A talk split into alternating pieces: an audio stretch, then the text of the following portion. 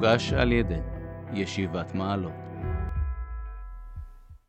ערב טוב לכולם, אה, נפתח בברכת ברוכים הבאים, הרב יהודה גלעד, שטרח והגיע אלינו מרחוק. אז אה, הרב ביקש אולי לפתוח בכמה דברים אה, כהקדמה לכל הדיון, אז בכבוד הרב. טוב, שלום לכם, ברוכים הנמצאים, תודה על ההזמנה.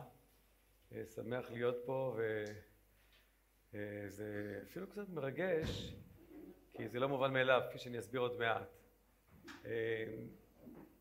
אני רוצה לפתוח בגמרא ידועה, אבל שאני חושב שבשנים האחרונות התחדשה לי בה איזו תובנה. יש גמרא ידועה מסכת עירובין שמספרת ששלוש שנים נחלקו בית שמאי ובית הלל, הלילה אומרים הלכה כמותנו והלילה אומרים הלכה כמותנו, יצאה בת קול ואמרה אלו ואלו דברי אלוהים חיים והלכה כבית הלל. שואלת הגמרא וכי מפני וכי ואם שניהם אלו ואלו דברי אלוהים חיים מפני מה זכו בית הלל לקבוע הלכה כמותן? אומרת הגמרא מפני שנוחין ועלובין היו ושונין דבריהן ודברי בית שמאי ולא עוד אלא שמקדימין דברי בית שמאי לדבריהם. עכשיו נשאלת השאלה אז למה הלכה כבית הלל? אז מה אם הם יותר נחמדים? יופי הם נחמדים יותר אז תגיד שיש להם חלק לעולם הבא שיש להם מידות טובות אני רוצה לדעת את האמת, ההלכה. אז בגלל שהם יותר נחמדים זה הלכה כמותם? אז בואו תגידו, מה אתם חושבים? אני... אנחנו הרי ננהל שיח גם בהמשך, אז גם שבלימוד יהיה שיח, אני לא רוצה את ההרצאה. קדימה, אני רוצה את איזה הצעה, מה פשט? אז מה אם לא יותר נחמדים? נחמדים ועלובים, אז לכן מגיע להם שכר טוב. זו הסיבה לקבוע הלכה כמותן, הלכה צריכה להיות חתירה לאמת. מה אתם אומרים? כן. כן. יפה, אז אפשרות אחת אתה אומר, זה לא משהו חיצוני, בגלל שיש להם מידות יותר טובות, אלא זה שהם הקשיבו, אז זה נתן להם אפשרות גם לברר יותר את האמת, למי יש סיכוי יותר להתקרב לאמת, למי ששומע רק את עצמו, או מי ששומע גם את הצד השני ונכנס לראש שלו וכולי, אז יש להם סיכוי. עוד הצעה יש למישהו?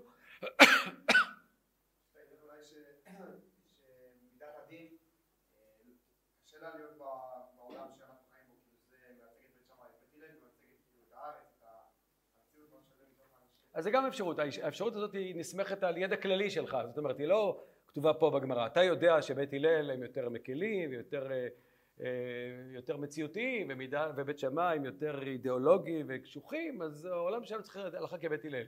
זה אפשרות ראויה, אבל היא לא כתובה בכך עצמו. אתה אומר, אה, אולי זה שהם נוחים ועלובים, זה אומר שהם יותר מציאותיים. יכול להיות. אוקיי, עוד הצעה? למה הלכה כבית הלל? כן. היא לא בהכרח אמת אובייקטיבית, אנחנו נשמח, אנחנו רוצים לקבוע אותה גם לפי נשים מידות מתוקנות.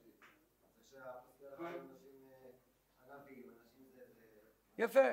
אתה אומר, זה לא כמו שהוצע פה, שבגלל ש... הם מקשיבים יותר, אז לכן הם סיכוי שהם להתקרב לאמת יותר טובה. אלא מי אמר שהאמת זה, זה הקריטריון בשביל לקבוע הלכה? ההלכה היא לא רק משהו אמת אובייקטיבית, היא גם באה להנחות אותנו לעולם, לדרך טובה. אז ממילא זה שהם דוחים ועלובים זה רלוונטי של לפסוק הלכה כמותם, גם אם לא בהכרח האמת כמותם. כלומר, כיוון שאלו אלה דברי אלוקים חיים, אז אין לי דרך להכריע מהי האמת, אז אני עוזב את הקריטריון של האמת ואני הולך לקריטריון של אחר שהוא לא פחות חשוב, של החסד והמידות הטובות וכולי. אז הנה שמענו פה כמה דעות.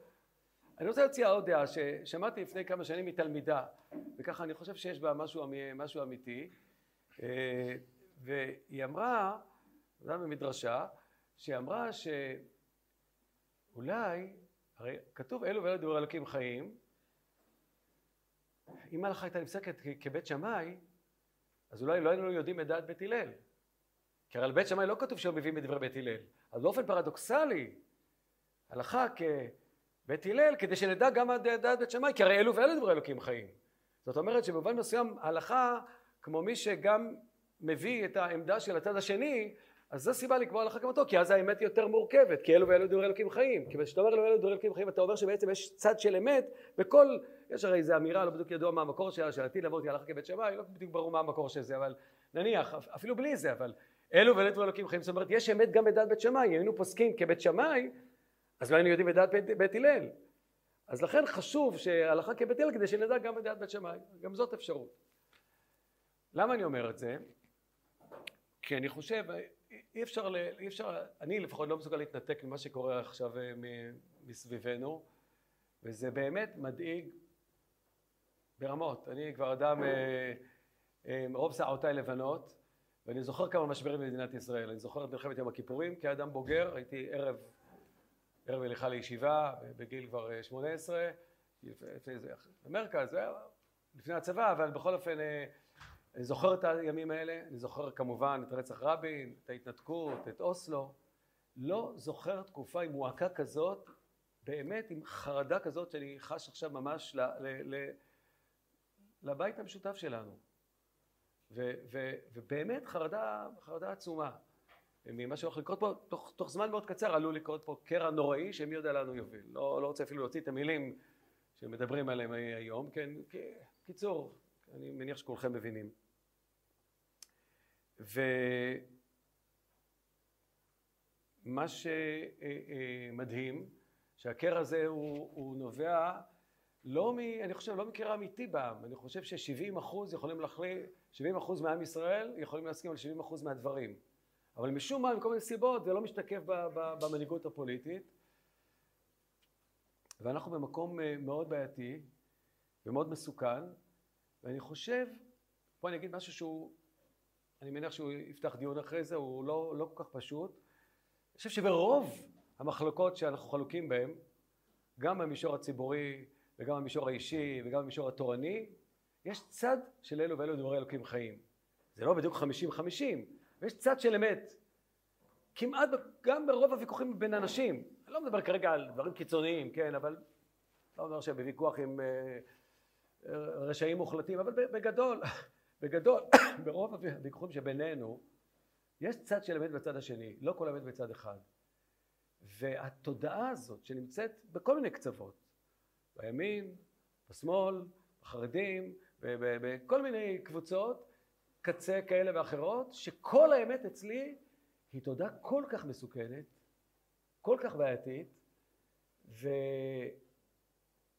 ואני חושב שהיא היא, היא ממש מאיימת עלינו. עלינו. אני רוצה לקרוא כמה משפטים של הרב קוק, שהוא מדבר באיגרת אה, על הוויכוח בין תומכי אוגנדה למתנגדים. לא יודע אם אתם יודעים, כן, בתחילת הציונות היה איזה שלב מסוים שמכל מיני סיבות חשבו שאין סיכוי לציונות להתממש בארץ, ואז עלה הרעיון כמקלט זמני להקים ישות מדינתית או משהו כזה באוגנדה. והיה ויכוח גדול בתוך הקונגרס הציוני, שזה בטוח שרובכם לא יודעים, בין כל מיני קבוצות, והמזרחי, המזרחי, הפועל המזרחי, כן, המפד"ל, הציונות הדתית, הבית היהודי, לא יודע איך לקרוא לזה היום, הציונות הדתית, הייתה בעד הפתרון של אוגנדה. לא קשה להעלות את זה לדעת. זה היה פתרון שכמעט קרע את הציונות. בסופו של דבר, בזכות יהודי מזרח אירופה, יהודים פשוטים ותמימים שאמרו שלא בא בחשבון, בסופו של דבר הרצל הכריע והוא קם ואמר אם אשכח ירושלים תשכח ימיני והסיפור של אוגנדה ירד מהפרק. אבל בזמן הוויכוח כותב הרב קוק את הדברים האלה. והנה אינני נכנס כלל בוויכוח שבין ציוני ציון להאוגנדיים. ודאי נמצאים בשתי המפלגות אנשים ישרים ואוהבי עמם באמת, שאינם פונים כלל עורף לעבר, כמו שישנם, ישנם אנשים כאלה, גם בין המתנגדים לעיקר התנועה הציונית בכללה. ואז אומר משפט שכל כך חשוב נראה לי היום, סימן רע הוא למפלגה אם היא חושבת שרק עימה הוא מקור חיים. של כל החוכמה וכל ה... סליחה, הוא מקור חיים של כל החוכמה וכל היושר וכל זולתה, הכל הוא הבל ורעות רוח. וממילא מובן שאין האוגנדיים זקוקים כלל להגן על עצמם בהודעה הכוזבת הזאת שהם פונים עורף אל העבר, עדים הם המזרחיים, המזרחי, שלא יוכל איש לחשוד אותם שהם פונים אל, אל עורף אל כל העבר, ועם כל זה הם אוגנדיים. זה כלומר, זה לא באיזה נושא שולי מדובר פה, זה ויכוח האם הציונות תהיה בארץ ישראל או באוגנדה, על זה אומר רב קוק, לא כל האמת בצד אחד, יש סברה מסוימת גם בצד השני, כנראה, לא משנה כרגע למה. אז אני, אני חושב שהתודעה הזאת שכל האמת אצלי, כל, אני יודע את כל האמת, ולכן אין, אין מקום לשיח ואין מקום לדיבור ואין מקום לשמוע דעות אחרות, היא תודעה איומה וקשה. ועוד נגמור רק את ההקדמה הזאת בעוד דבר אחד, יש uh, תוספתא ביבמות מאוד מעניינת שאומרת אף על פי שנחלקו בית שמאי ובית הלל בהרבה מאוד נושאים, לא נמנעו לעשות טהרות מלאלו אלו על גב אלו, כלומר בעברית פשוטה סמכו אחד על הכשרות של השני, וגם בגמרא כתוב נשאו נשים אחד עם השני למרות שאלות של ממזרות, לקיים מה שנאמר כל דרך איש זך בעיניו וטוחן רוחות השם. פסוק במשלי. צריך להבין, מה זה הפסוק הזה? בגמרא מופיע פסוק אחר שיותר מובן בהקשר הזה, האמת והשלום יאהבו. כן, יש האמת, אבל השלום יאהבו, כאילו, כך כנראה קוראים את זה. אבל מה זה כל דרך איש זך בעיניו וטוחן רוחות? אז מצאתי שם שני פירושים. פירוש של רש"י ופירוש של הגר"א. רש"י אומר, כל דרך איש זך בעיניו, כל אחד בטוח שכל האמת אצלו. אני בטוח שהעמדה שלי היא האמת. אבל מי באמת יודע מהי אמת? רק ריבונו של עולם. טוחן רוחות השם. ולכן, אם תהיה בנו הצניעות, או היראת שמיים הזאת, אני נורא בטוח, לפני שאני הולך לישון, אני אגיד לעצמי, אבל אולי בכל זאת יש משהו של אמת גם בצד השני. אז זה כשלעצמו מאפשר לנו לאכול טהרות אלו על גב אלו, לקיים איזושהי מערכת של חיים ביחד. זה טענותו של רש"י, זו דעתו של רש"י, זאת אומרת שזה אולי יש משהו של תוכן של אמת גם בצד השני, אבל הגר"א אומר אפילו יותר חריף מזה. הגר"א אומר כל דרי זך בעיניו, כל אחד בטוח שהמוטיבציות אצלו הם כולם לשם שמיים. מה שאני אומר זה ודאי אידיאלי ולשם שמיים. אצל השני זה רק אינטרסים וכולי וכולי. בתוכן רוחות השם. הקדוש ברוך הוא יודע האם באמת אצלי הכל כל כך נקי, האם אצל השני הכל כל כך שחור. אצל כולנו כנראה זה תמהיל של אידיאלים, גם נגיעות ועוד כל מיני דברים מהסוג הזה. זאת אומרת שגם אם אולי בעמדה השנייה אין שום דבר, אבל הוא מאמין שמה שהוא עושה זה לטובת העם, הארץ, המדינה, העולם, לא משנה כרגע באיזה נושא הוויכוח, זה כשלעצמו שיש, שאולי יש גם לא איזה מוטיבציה יקרה ו- ונקייה, זה כשלעצמו צריך לייצר איזה מידה של סובלנות. זה לא אומר שצריך לקבל את עמדתו, ודאי שלא. אבל בית הלל לא נכנעו וקיבלו את דעתם של בית שמאי. אבל הם הקשיבו, הם כיבדו, זה עצמו מאפשר איזשהו סוג של שיח. אז זהו, אני אומר את זה כ- כהקדמה, לכן אמרתי זה לא מובן מאליו, יש מקומות שלא היו אה, פתוחים לשמוע דעות אחרות, ואני שמח ש... לכן אני שמח שהוזמנתי לכאן. אז זהו, אז אה, תודה לכם על ההזמנה, ומכאן אפשר להגיע, לפתוח באיזה עניין שאתם רוצים, באיזה נושא שאתם רוצים, שאלות, אה, באיזה תחום שנראה לכם. שתדע לא לרדת ממש לפוליטיקה ממש, כי זה באמת יותר מדי, יש גבול לכמה אפשר לרדת. כן. יישר כוח הרב, אז אולי ככה כן, כמה. שאלות כשליח ציבור פה של החבר'ה, נפתח בכמה שאלות שעלו מה... ברוך אתה אדוני אלוהינו מלך העולם שהכל יהיה בדברו. אמן. אה, אחרי הפתיחה באמת שככה עושה חשק לכולנו לשמוע ולדון באווירה נינוחה ומכבדת ומקבלת. אה, אולי נתחיל מתוך בית המדרש פנימה, בסוף אנחנו כאן אה, ציבור של בין אישים, הרב הוא ראש ישיבה. אה, רצינו לברר מה, מה בדיוק קורה שם בישיבת מעלה גלבוע, מה התפיסה, מה... אולי נשאל את זה קצת אחרת. הרב, אתה למדת בישיבת מרכז הרב, בישיבת הר עציון, והיום עומד בראשות ישיבת מעלה גלבוע. האם יש איזה שהם הבדלים בין הישיבות בהן למדת, לישיבה שאתה מוביל היום? זה כמו מרכז בדיוק. בדיוק, אז... ואם יש, אם נמצא איזה משהו... זה אפילו לא כמו הר עציון, כן נכון. אז מה, בדיוק ההבדלים, ולמה, מה הרקע להבדלים? כן. אה, טוב, אז אה, ישיבת מעלה גלבוע חוגגת השנה, אנחנו חוגגים את אה, שנת השלושים. כשהקמנו את הישיבה, אז אה, הרעיון היה להקים ישיבה שהיא תנסה להצמיח בני תורה, תלמידי חכמים, שהם אה, יראי שמיים, שהם גם פתוחים וגם מחויבים. הסלוגן של הישיבה זה היה פתיחות מתוך מחויבות, ואני אסביר למה הכוונה, שהתחושה שלנו הייתה, במובן מסוים עדיין קיימת, שבגדול בציבור, אפשר לדבר בציבור הדתי, שני הדברים האלה לא כל כך הולכים ביחד לצערנו. יש אנשים שמאוד מחויבים לתורה, להלכה, ליראת שמיים, ויש להם גישה מאוד מסוימת אחת לכל מיני עניינים. אה, תרצו אחרי זה גם לדבר מהם העניינים האלה, אני אסביר קצת מה, איך זה בא לידי ביטוי בתכלס, בלימוד של הישיבה. ויש אה, אנשים שמאוד פתוחים, שואלים שאלות וביקורתיים, ופחות מחויבים. והם, אה, קיצור, הם פחות מחויבים לעולם של תורה, של הלכה ויראת שמיים וכולי. ואנחנו, אני לא לבד בישיבה, הרב ביגמן, הרב ריינר ואנוכי, שכולנו צמחנו בישיבות אה, באמת מסוגים שונים, אבל באמת הרבה יותר אה, סגורות, אפשר לקרוא לזה ככה. האמנו שיש מקום לבית מדרש שהוא פונה לאנשים שמחפשים משהו אחר, שהוא יותר פתוח, שהוא יותר ביקורתי, גם אנשים עם שאלות, מקום שמעלים בו הרבה מאוד שאלות, הרבה מאוד סימני שאלה, ומתוך זה לא על חשבון המחויבות והעוצמה הדתית ויראת השמיים והלהט הדתי וכדומה. איך זה בא לידי ביטוי בעלי מייסה? אז קודם כל... אפשר לפני הלמייסה, אני חייב להבין. כן. בגוש התחושה הייתה, בישיבת הר עציון, התחושה הייתה שאין מקום לשאלות וביקורתיות וחשיבה עצמאית, אה, שפתחו פח- ו- אה, אה, לא, אני אגיד לך, אה, בתחומים מסוימים כן, בתחומים מסוימים לא. ולכן זה חשוב ל- ל- למייסה, למשל בלימוד גמרא. אז אה, השיטה הברסקאית תהיה שיטה שלטת שם בלימוד. עם הרב ליכשטיין בסגנון שלו, הרב עמיטל בסגנון שלו, זיכרונם לברכה, זכר צדיקים לברכה, והרמים אחרים מכוחם, אבל גישה לימודית מאוד מאוד מסוימת אחת. אה, במחשבה, נכון, הרבה יותר אה, פתוח, וגם במקרא, אה, אבל עדיין, עדיין יש שם איזשהו מין, דווקא בגוש יש גם איזושהי למדנות מאוד חזקה, ואצלנו יש נטייה גם הרבה יותר לעסוק בחסידות, בעולם הנפש, בעולם הרוח, שזה פחות אה, מפותח ב- בהר עציון. הרבה התעסקות אצלנו עם רב נחמן, עם מי השילוח בשנים האחרונות, עם אה, אה, חסידות ברמות שונות אחרות, יש גם כאלה, לא- קיצור, אה, תחומים שונים ב, ב, ב, וגם, במח, וגם במקרא. אני, אני אסביר תכף את, את הלמייסה, אז תבין למה זה, זה לא בדיוק משקף את הגוש. אז קודם כל בלימוד גמרא, אנחנו עוסקים אה, בלימוד גם בשיטות הישיבתיות הקלאסיות של ראשונים ואחרונים וכולי, וגם בגישות שיותר משלבות גם את העולם האקדמי והעולם אה, אה, הישיבתי. אני אסביר למה הכוונה. אתן לכם דוגמה. אוקימתא. כולם פה יודעים מה זה אוקימתא. תגידו, יש איזה בעיה עם אוקימתא? מי שרוצה להגיד לי משהו, יש איזה בעיה עם אוקימתות לפעמים בגמרא? אין בעיה! הלכתי הביתה, שלום. נכשלתם, סליחה, לא. נו, מה הבעיה עם אוקימתא? תגידו לי. מה? לפעמים זה דחוק, נכון? המשנה אומרת דבר נורא פשוט, הכל חייבים ב-XYZ, בגמרא אומרת, אחר במאי עסקינן, וראש השנה שחל בתשעה באב, הוא עומד על הראש וכולי. אני מגזים, כן, אבל הוא כאילו שנראות דחוקות. המשנה לא יודעת לדבר? אז אני למדתי בישיבות קלאסיות, למדתי עוד לפני זה ביישוב, אני הולך ומידרדר, כן, למדתי בישיבה חרדית, למדתי במרכז, למדתי בגוש, קיבוץ הדתי, אה, ושנים, השאלה הזאת הטרידה אותי כשלמדתי גמרא. למדתי גמרא מכיתה ד', למדתי בחינוך העצמאי.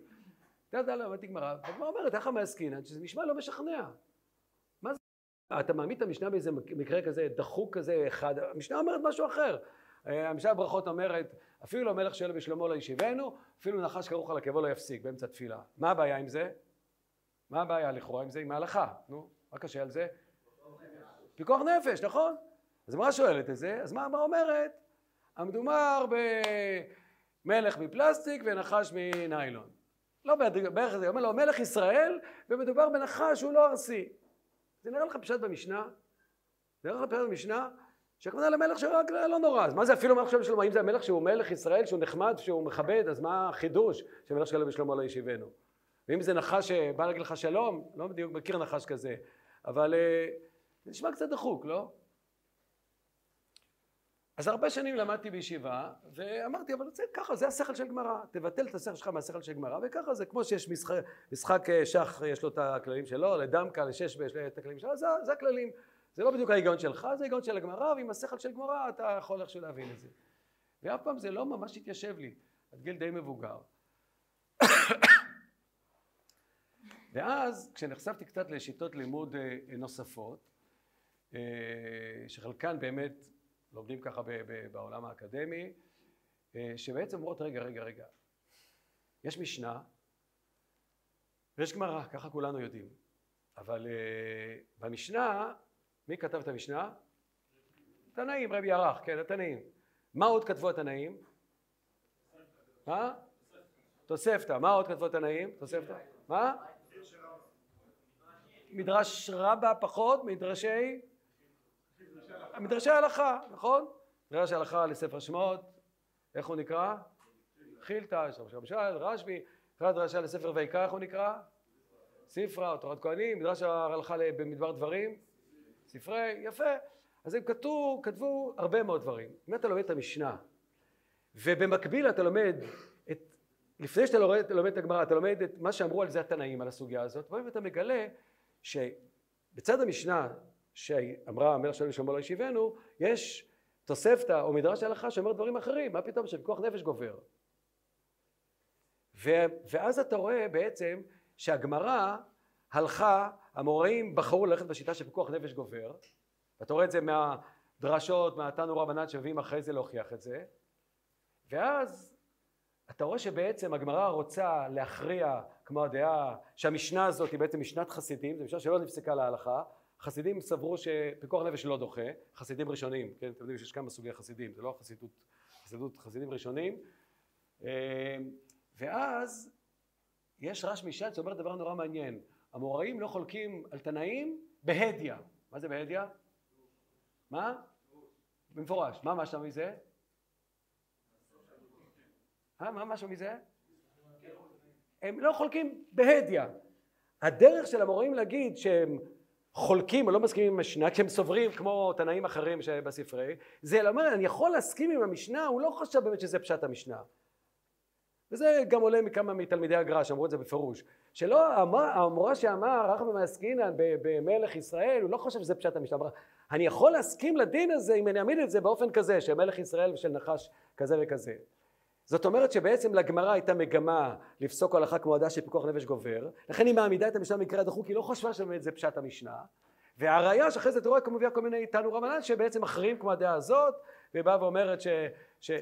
אז זה דוגמה לשיטת לימוד שפתאום האוקימתא הרבה יותר מסתברת, זה לא שהאוקימתא מתיימרת, המורה חשבה שזה פשט המשנה. אז זו דוגמה קצת אה, פשטנית. דווקא הדוגמה הפשוטה הזאת אולי ככה לנסות להבין. אז יוצא שבעצם הגמרא חולקת על המשנה ופוסקת הלכה כמקור תנאי אחר. כן.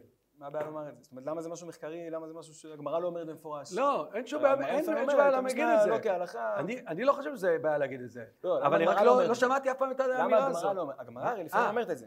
שאין הלכה כמו המשנה הזאת, אלא כמו המשנה הזאת. לא כמו הברית הזאת, אם זה הסיפור של האוקימתא, הגמרא יש מילים לומר את זה. כן, אז זה, זה באמת מעניין, זה צריך לשאול גם את הרש משאנץ, למה המורים לא אומרים את זה בהדיא? אז יש מקומות, אני שואל על אביי ורבא. מה? אני שואל, כן, לא, אז אני אומר, צריך, זו באמת שאלה שצריך לדון בה, באיזה פעמים הגמרא, זה מאוד, אני לא זוכר, לא, לא, לא, לא מספיק בקיא בש"ס, לא זוכר הרבה מקרים שהגמרא אומרת בצורה בוטה, כן, ששמה את המשנה בצד. המשנה כשיטת פלוני, והלכה כן, אז זהו, מצוי מאוד. זאת שאלה מעניינת, לא יודע למה, אבל בכל מקרה, זו שאלה, צריך להבין למה. אני חושב שיכול להיות כל מיני שיקולים, וגם תלוי באיזה המורה. יכול להיות שיש המורים שאין להם בעיה להגיד את זה, אני סובר כמו ויש המורים שהם מחפשים דרך יותר אלגנטית להגיד את זה. יכול להיות שזה תלוי באיזה סוג. בסוג, בוא נאמר ככה, הרי הגמרא נערכה, ב, ב, לא כל הגמרא אותה עריכה, רבינה ורש"י הרי זה שם כללי כזה, ויש כל מיני, שלחו כל מיני מסכתות. אז העורך של הגמרא הזאת בחר בדרך הזאת, והעורך של הגמרא הזאת בחר בדרך הזאת, לפעמים הוא בחר להגיד את זה בצורה יותר מפורשת, לפעמים בצורה יותר אלגנטית להגיד את זה. אבל בעיניי, שוב, אני אומר, לא, אפשר, יכול מישהו להגיד שיותר הגיוני להגיד שהוא באמת חשב שזה פשט המשנה. סבבה, סבבה. בעיניי זה יותר הגיוני, הדרך הזאת, אני לא אומר שהיא הכרחית. אולי נשאל אחרת. פה בישיבה אנחנו מאוד מורגלים כן. לנסות לראות את המקורות הפנימיים כן. של הדברים. ולמשל, מה הוא כותב, רבי חיים ויטל כותב בהקדמה לעץ חיים, שכל מקום כזה של אחא במסקינן, של אחי קטני, כל מיני אוקימתות וכולי, אז באמת זה הכוונה, רק יש שם איזשהו סוד שמסתתר שם. חסור מחסרה, כל מיני כאלה, אז למה לא ללכת לכיוון כזה שלכאורה באמת המשנה דיברה דברים נכונים, ולכן הגמרא לא חולקת עליה, פשוט מסתתר שם איזשהו עומק. למה לומר שהגמרא חולקת בלי לומר שהיא חולקת? לא, אני אגיד לך למה, אני חושב שזו פשוט גישה מדי פתוחה בשבילנו. זה אתם מהפכני, זה מה שאני אומר, זה מהפכני, להגיד שהגמרא, להסביר אותה על פי הקבלה, אני יודע שפה עושים את זה ככה. לא, האריזה עשה ככה. מה, מה זה? זה לא המצאה של הרב ויצמן. יאללה, בסדר, אבל יש פה גם הרחבה, מה? אנחנו פתוחים מתוך מחויבות. כן, יפה, בדיוק, זה אותו דבר, אתם רואים. כל אחד לוקח את הפתיחות למקום אחר. זה בעיניי דבר מאוד מהפכני, בעולם הישיבות לא נאמר אה, מאות שנים אחרונות לא נאמר, חידוש גדול בישיבת מעלות שנסמכים על רב חיים ויטל ובונים עליו עוד קצת, אני מבין שזו הרחבה שלו, זה לא בדיוק מילה במילה רב חיים ויטל. דווקא זה כתוב ממש כן, לא, כן, מה? זה למשל כתוב ממש... אני אשמח לראות את זה, אבל לא, לא משנה. של לא, אפשר להביא שני הספר. כן, בסדר, לא, בסדר, הוא לא אומר את זה לסוגיה הזאת. הוא אומר על כל הש"ס, כל האוקימטות, כל הסיפור של אוקימטות, חסור מחסרה, אחי קטני, כל מיני כאלה אז בסדר, זה סביר מאוד, בכל אופן לא למדו ככה מעולם, וזה חידוש של ישיבת מעלות, להחזיר את הלימוד הזה. אז זה למשל הפתיחות של ישיבת מעלות, שבעיניי זה פחות משכנע, אה, אולי בגלל שאני סגור מדי, ואני גדלתי על רבותיי לא שמעתי את זה ולא זה, אז, אה, אז אה, אבל בסדר, זאת דרך אחת, בדרך, אני בעיניי זאת נראית, שנראית יותר הגיונית, אבל זה עניין של... אז אולי נשאל שאלה אחרת בעצם, מה, מה באמת יחס הרב בישיבה כן. לסיפור של, של פנימיות התורה, של עיסוק בפנימיות התורה, לפני השילוב של הנגלה כן. והנסתר? לא, זה מקצוע בפני עצמו, מי ש... זה, זה דבר חשוב, מי שעוסק בזה, זה... ועושה בזה בעומק ומבין את זה, זה מעולה. אני עצמי אישית לא הכי מתחבר לזה, יש אצלנו אחרים שיותר מתחברים לזה, עוסקים יותר בלימוד זוהר וכדומה, אבל אין לי שום... זה גם שאלה בדיוק, אה, אני אומר בכנות, גם זה כבר שאלה יותר אה, מורכבת, כן, היחס בכלל לספר הזוהר, עד כמה מידת המחויבות אליו וכדומה.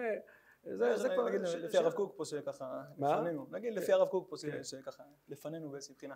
הוא הרי מאוד הולך עם הזוהר והאריזה והמקובלים וכל כן. הדורות, ובעצמו עודד מאוד ללמוד ככה. נכון, אין, אין הכי נמי, אבל שוב, לא, השאלה מה, מה מידת המחויבות לזה. גם הרב קוק, בתוכו יש קולות שונים בעניין הזה, כן? האם אה, הוא מדבר על... אה, אה, הרב ציודה תמיד דיבר על האיסור לערב בין, בין הלכה ו- וקבלה, אתה מכיר את זה, שזה כמו שעטנז, הביא תחת הסופר, אתה בטח מכיר את זה. הרב ציודה תמיד מכיר ציטט גם את זה. אבל זה לא הנושא עכשיו, מכיר גם...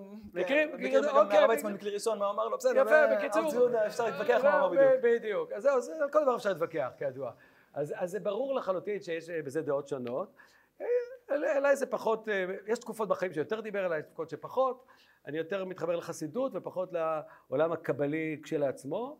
אבל ודאי, זה עולם חשוב ומכובד, מה מידת המחויבות אליו, וזה אפשר להתווכח, כן? אני חושב שהרמב"ם לא היה מחויב אליו, זאת אומרת, יש לדעתי, יכול, אפשר להיות גם יהודי מאמין וכשר וירא שמיים, שאומר, אני בכלל לא מתייחס לעולם הקבלה, אני לומד רק ניגלה, וככה, ואני הולך זה הרמב"ם, למשל הרב צבי יהודה, כן. שהוזכר לא מזמן, הוא למשל אומר שמי שאומר בניגלה שהוא לא מאמין בניסתר וכולי. כן, בסדר, כנראה זה- בניסטר בסדר, הוא גם גם לא מאמין זה עוד בניגלה. דעה אחת, כן, בסדר, אה. זה- עוד דעה אחת, הרב ליכטנשטיין למשל חשב אחרת, עולם הקבלה זה עולם חשוב ויפה, ולא, בסדר, זה הרב ציודה, זו דעה חשובה, יש גם דעות אחרות, אז... אה, אז אולי נעבור לא, לעניין אחר. בוא נאמר ככה, גם הרמב"ם אני חושב, להגיד שגם הרמב"ם ידע קבלה זה כבר אה, דרשנות על גבי דרשנות שבעיניי מאוד רחוקה, אבל לא משנה, אבל אז אני אומר, אז אפשר להיות יהודי טוב גם בלי להתייחס לעולם הקבלה, אבל אני מאוד מכבד את זה, זה עולם מאוד עשיר ומאוד עמוק ומאוד משמעותי, ובכלל, שבכלל... אולי נדבר על עניין אחר, אני חושב ש... עוצמות רבות. רגע, אני רק אתן רק אה, לסיים, סליחה, כי שאלת אותי על הישיבה. אז בלימוד גמרא זה ניסיון לשלב גישות שונות, זה דוגמה קצת שטחית, אבל זה בא לידי ביטוי בהרבה מאוד שיעורים שאפשר לראות, שעוסקים הרבה מאוד בריבוד של הסוגיה, לראות מה זה התנאים, ומה זה המורים ראשונים, ומה זה דורות אחרונים, ומה זה סתמאים, ולפעמים על ידי זה אתה מגלה מה המגמה של הסוגיה, מה הרעיון שעומד אחריה, קצת מתקרב ל...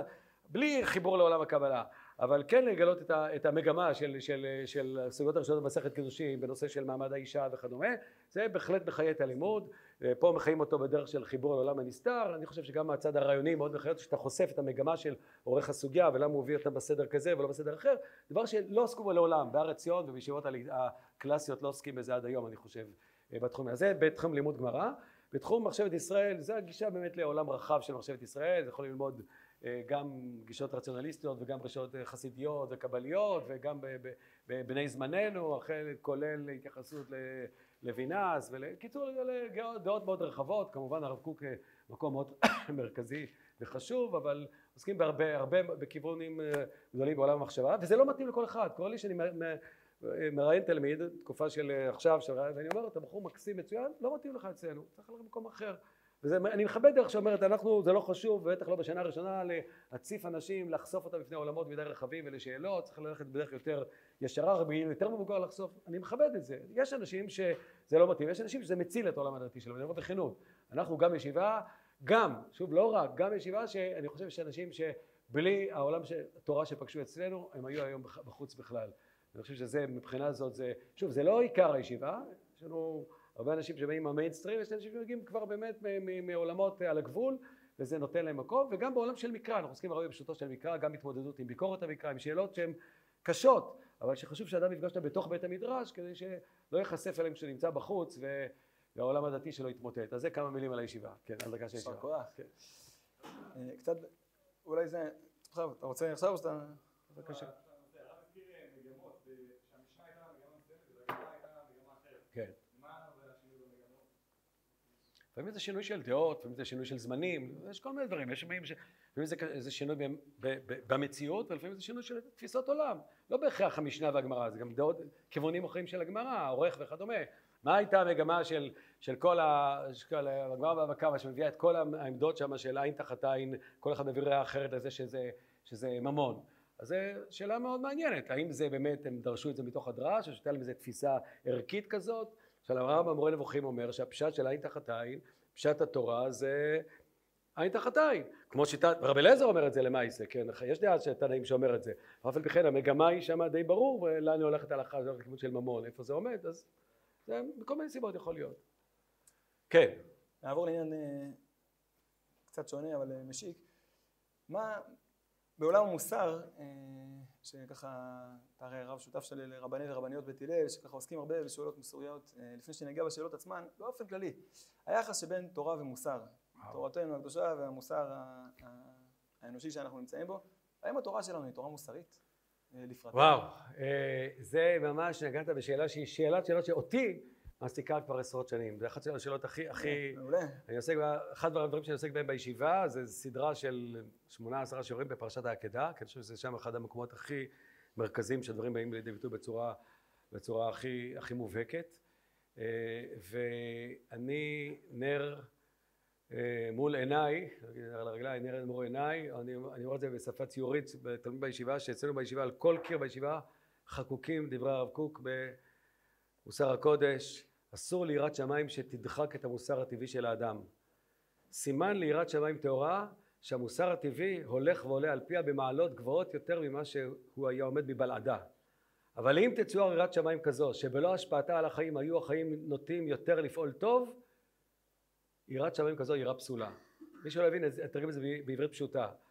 אה, הרב קוקו בא ואומר יראת שמיים או העולם הדתי, התורה, באה לרומם את המוסר הטבעי, לתת איזשהו מין קומה נוספת עליו. אם במוסר הפשוט שלנו אז רצח זה להרוג אדם, חז"ל באים ואומרים לא, גם מלביב לחברו ברבים זה שפיכות דמים. אם במוסר שלנו אה, אה, אה, לשון הרע, כן, תביעת לשון הרע, זה, אם אדם אומר בחוק האזרחי, החילוני, אדם אומר אמת דיברתי, זה לא לשון הרע, אצלנו לשון הרע זה אמת, הוצאת שם רע זה שקר, זאת אומרת, התורה באה לבנות מוסר יותר גבוה, אבל אם יש יראת שמיים כזאת שבגלל הדתיות שלך אתה הופך לפחות מוסרי, אז זה יראת שמיים פסולה. עכשיו, כמובן זה מעלה המון המון שאלות, מי עמלק ולא תחיי כל נשמה וממזרים ומעמד האישה וכל אחת בסוגיות האלה צריכה טיפול בפני עצמה.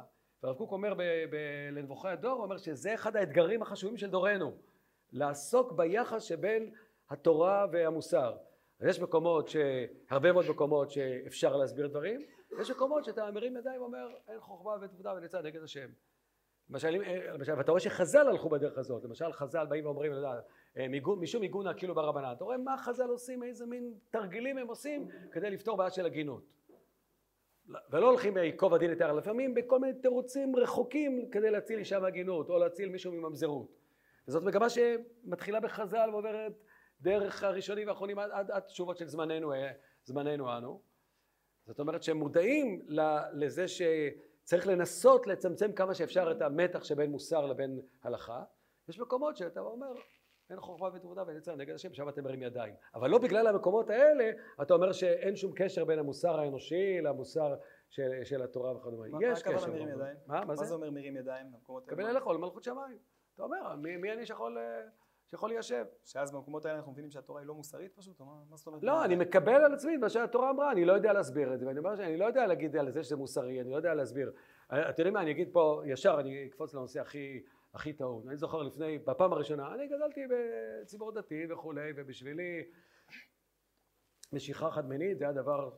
קיצור, אה, אני לא רוצה אפילו להגיד איזה מילים אה, חשבתי אז על הדברים האלה. אני זוכר את הפעם הראשונה, לפני אולי 30 שנה או יותר, שניגש אליי בחור, דווקא לא מישיבה, זה היה בחור בן 30, מישיבה דתית צעירה, וסיפר לי שהוא כזה, שהוא ניסה את הכל והלך על כל הטיפולים והוא כזה. ואני זוכר שפעם ראשונה כשנפגשתי עם זה, בתור רב צעיר. והוא אמר, מה, מה הפתרון? מה הקדוש ברוך רוצה ממני? מה, מה, מה, מה? הוא אומר לי, אתה בא הביתה, עזוב כרגע את העניין המיני, אתה בא הביתה, יש לך עם מי לחלוק את החיים שלך, לשתות כוס קפה עם אשתך, לספר לה מה היה לך בבית. אני כל חיי נגזור עליי לחיות בבדידות? ואני בכיתי יחד איתו. ו- ו- ואז שוב, אני לא יודע מה להשיב על זה, אני אומר בכנות. יש לנו הלכה, יש לנו תורה, התורה קובעת משהו מאוד מסוים.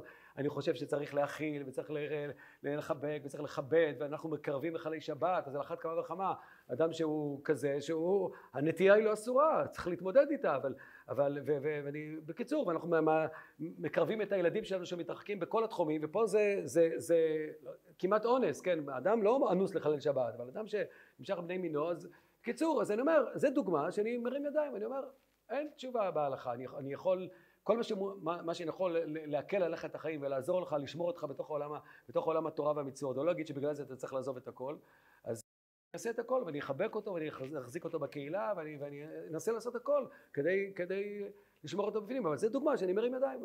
אין לי תשובה מוסרית לדבר הזה, להגיד למה, למה, למה זה בסדר. כן? כמו שאני לא מבין למה אדם נולד עם, עם אה, אחד נולד ככה ואחד נולד ככה וכדומה. יש דברים שאני לא מבין בעולם. אני לא צריך להגיד, לא, לא, אני לא אומר שזה מוסרי, לא, אני אומר שאני לא מבין את זה, זה הכל. לא יכול להגיד, לא יכול לשקר ולהגיד שכן, כי זה, לא, לא יכול. גם הממזר אין לי הסבר. אני יכול לעשות הכל לצמצם את בעיית הממזרים. אבל אני יכול להגיד, המדרש אומר את זה, וראיתי את אימת העשוקים, הוא אומר את זה לממזרים, ואתה מכיר את המדרש הזה בקיצור.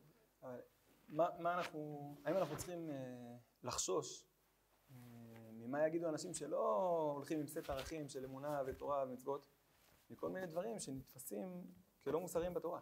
יושב אותו בחור... שצריכים לחשוש, שצריכים להפגין ולהראות שהתורה לא סותרת את המוסר. זה אחד המסרים. אסור לי רצון שתדחוק את המוסר הטבעי שלהם, אם יש תשובה אמיתית. אני אומר, רק כמובן אם אתה כנה עם עצמך, אתה לא צריך לשנות את התורה בגלל זה. אני חושב שצריך לחשוף את האור של התורה. מה זה, מה זה, מה זה קידוש שם? שיש שמיים מתאהב לידך, מה, אתה צריך לחשוש ממה חושבים החילונים? כן, שיש שם שמיים מתאהב לידך אומר שאתה צריך לחשוש ממה שיגידו... המיקרופון פה, מסמנים שם שלא שומעים. כשיש לך מצוות קידוש השם זה אומר כן אתה צריך לחשוש ממה יגידו החילונים וזה לא נמיכות קומה וזה לא מציאת חן אלא זה מצוות קידוש השם. זאת הגדרה שלה בהגדרה שלה. כי פלוני שלמד תורה מנעים מעשה וכדומה. כן בוודאי ככה. ואם יש מישהו שבא ואומר צריך למחוק כפר שלם זה חילול השם שאין כדוגמתו. כן, אומר צריך למחוק, אחרי זה להגיד לא התכוונתי וכולי, זה חילול השם. כשאדם חובש כיפה אומר צריך למחוק כפר שלם, חילול השם גדול שאין פה בעולם, בעולם מטיפים לנו מוסר הזה, עם הצביעות שלהם, זה צביעות, אבל זה עדיין חילול השם. שמעם ישראל שצריך לצאת מצוות עץ הדרור דבר השם ירושלים, מסר של מוסר ושל אנושיות ושל צדק ושל... כן, זה חילול השם נורא ואיום בעיניי. אני אומר את זה בכאב לב, אני את זה, אני, אני, אני גם, זה קיבלתי ממש, מ, אני לא אגיד בחלב אמי, אבל מאז עומדי על דעתי ממורי ורבי הרב עמיטל, שהוא גם אה, חותני, שזה המקומות ש, של חילול השם, שאסור לאדם לשתוק, שצריך לצאת ברחובות ולצעוק ברחובה של עיר, למחות נגד חילול השם. רבני ורבניות בית הלל מגדיר את עצמו כארגון ליברלי. אה, ככה, ככה ראיתי, ככה שמעתי. אה, השאלה, האם גם אתה מזדהה עם ההגדרה הזאת, אתה רואה את עצמך כאדם ליברלי? אז אני, אני אגיד לכם, זה, זה סיסמה, הוא גם לא מגדיר את עצמו כליברלי, לא ראיתי דבר כזה. אני יושב בוועד המנהל שלו, לא שמעתי אף פעם, אבל לפני כמה זמן התקשרתי לרב יעקב אריאל, ואמרתי לו שאני רוצה להזמין אותו לשיחה באיזה ציבור מסוים, ואמרתי, יש שם ציבור דתי ליברלי. אז הרב אריאל אמר לי, רגע, רגע, רגע, גם אני ליברלי, מה זאת אומרת? מה, מה זה דיבור ליברלי? הקדוש ברוך הוא הוציא אותנו לחירות, והמילה הראשונה שהקדוש ברוך הוא אומר לנו, שחוזר מרד מצרים בית עבדים, החירות היא ערך, וכן, גם אני ליברלי. נשאל את זה קצת אחרת. אז אני... נשאל את זה טיפה כן, אחרת. אז אני יודע שהדימוי שלנו כרבנים ליברליים, אני לא, לא, לא, לא חושש מדימויים, אין לי שום בעיה עם זה, אני אומר בכנות, אני כבר מעבר לזה. פעם זה נורא היה אכפת לי להציג את עצמי, לא, אבל אני לא, לא, אני חושב שאני אני נאבק על דרכה של תורה בדרך שבה אני מאמין בה. והסיסמאות פחות חשובות לי, נכון? נשאל אחרת, נשאל כן, אחרת. כן. ראיתי ציטוט שלך כן. שאומר, גם ככה קוראים לנו נאו-רפורמים. אנשים קוראים לך נאו-רפורמים, כן. ככה שמעתי שאמרת. כן, יכול להיות. למה זה, למה, מה- מה גורם לאנשים לומר ככה?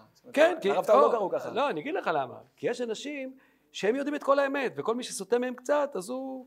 אז הוא רפורמי, איך, איך אומר הנציב בתחילת, אה, אתה מכיר את דבר של הנציב, חשדו כל מי שהולך בדרך אחרת, כאילו אה, הוא צדוקי וזה, וזה חלק מהעניין הזה. אתם יודעים מה, הרי בזה פתחתי, בעניין של כל האמת. לפני כמה שנים, אני אגיד את זה, כי הוא לא מתבייש בזה, מה? אני חייב לדייק את השאלה. כן. לא. לא, לא, זה, שייך לעניין, רק שת- שתבין על מה מדובר. אה, לפני כמה שנים, היה לנו, אצלנו בישיבה אנחנו באמת ישיבה פתוחה, הזמנו, כמו שאתם מזמינים כל מיני אפיקורסים, כמוני, אז, אה, אז אנחנו הזמנו את הרב יגאל לוינשטיין לישיבה. הוא דידר, נתן שיחה לישיבה, שעתיים וחצי, על כל הדעות שלו, על הומואים ועל פה ועל שם, היה שיח ער וכולי, בסוף השיח הוא בא ואומר, וואו, איזה דבר מדהים זה, שאני יכול לבוא למקום שאנחנו חלוקים ובכל זאת מקשיבים ודנים בצורה עומק וכולי וכולי. אז אמרתי, רב יגאל, זה באמת נפלא, נכון? אבל גם אתה היית מזמין אותי לעלי לדבר? אז הוא שתק, אמר, אתה צודק. נכון, לא הייתי מזמין אותך לעלי. "אה, אחרי זה יצטדק, זה לא תלוי בי וכדומה. וזה בעיניי בעיה. יש כאלה שכל האמת אצלם, הם לא צריכים לשמוע דעות אחרות. הם יודעים את כל האמת. ומי שלא חושב כדעתם, אז הוא נהיה רפורמי. אז אני כבר, מעבר לדברים האלה, בגילי כבר מותר לי. פעם היה אכפת לי והתווכחתי על זה, כן. כי אני, אם אני חושב שבכל מה שניתן על פי ההלכה בתחום מעמד האישה, צריך לאפשר אותו, אולי אפילו לעודד אותו, כי אני חושב שאחת הבעיות הגדולות בתוך הציונות הדתית, ש, שיש פער כל כך גדול בין מעמד האישה, שיכולה להיות רופאה ומרצה וכולי, לבין בעולם הדתי. מה שניתן, ניתן על פי ההלכה, מה שלא ניתן, לא ניתן. מה שניתן, לא צריך לחכות שאנחנו נאנס וכדומה, ולכן לא כל כך אכפת לי, תוויות וזה, אני כבר מעבר לזה היום. אז אולי... כשהייתי בגילך עדיין היה אכפת לי. בסדר, שמח, אנחנו נגד תוויות. לא, רק- אולי... כשתהיה בגילי גם אתה תזלזל בזה. אמן. לא, משתדל לזלזל בזה עכשיו. אה, אוקיי. בסדר. לפני שנגיע למעמד האישה, שזה באמת ככה נושא, חשוב, ואני חושב שגם אה, סקרן פה הרבה מה, מהחבר'ה, אה, מה כוחו של מנהג ישראל? אנחנו יודעים שחז"ל מאוד מתייחסים ברצינות למנהג ישראל דינו וכולי וכולי. כן. מצד שני, אני שומע ככה בין השיטין, או אפילו בצורה די ברורה, שכל מה שאפשר במסגרת ההלכה לשנות, אנחנו רוצים באופן אקטיבי, קום אה. עשה, לבוא וקצת אה, לא, למתוח את החבל עד ה... לא, אז אני אסביר שוב. מנהג הוא מאוד חשוב בעיניי. תמיד אחת השאלות שמעצבנות אותי כרב בציבור הדתי-לאומי, אתה מגיע לאיזשהו מקום בפסח, מה השאלה הכי ששואלים אותך? מתי כבר מה? בדיוק, מתי כבר תתירו את זה וזה, ועם ישראל הוא עם אחד, ולמה, תראו את הקטניות וכולי וכולי, ואני אומר להם, חברים, על מה אתם מדברים? אם היו נותנים לי עשרה דברים שאם אני יכול לשנות בעולם ההלכה, תאמינו לקטניות, גם לא היה מספר 11. מה זה הדבר הזה? אבותינו באשכנז, הם, הם, הם בשנות רעב התלבטו ותשוטים אם מותר, אם מותר להתיר קטניות. אני לא חושב שיש לנו היום כל טוב, חיים בשפע לא נורמלי.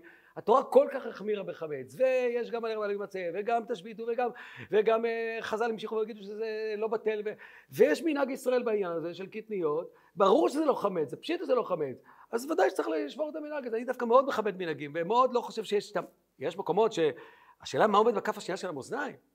כש, כשמנהג עומד מול איזושהי מצוקה מוסרית, למשל, או משהו כזה, אני לא אגיד בגלל מנהג שהעגונה תישאר בהגינותה, ואף אף רב לא יגיד את זה. זאת אומרת, תמיד השאלה מה עומד מול מה.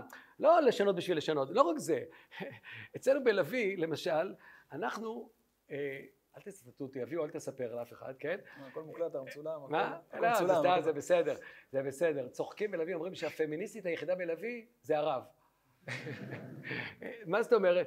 אצלנו יש מקומות ביישובים מסביבנו שנשים קוראות מגילה ושנשים עושות אה, עולות לתורה יש בת מצוות פרטיות וזה, ביישובים לידינו. ואצלנו, למרות שלדעתי יש דברים שבהחלט אפשר, אבל אם אין לזה דרישה ואם נשים טוב להם ככה, אין לי שום עניין אה, לדחוף את זה ולעודד את זה וכדומה. היו שנים שהיה אצלנו בשמחת התורה, שמחת תורה היה קריאת תורה של, של נשים, נשים לנשים וכולי, והתייעצו איתי קודם איך, מה לעשות עם ברכות התורה, ולא אמרו ברכות, אלא אמרו, לא משנה, אני, פתרון, איך להגיד כמה פסוקים לפני ואחרי, שזה מעין ברכות התורה, בלי... ובעיניי זה בסדר, כשיש לזה דרישה.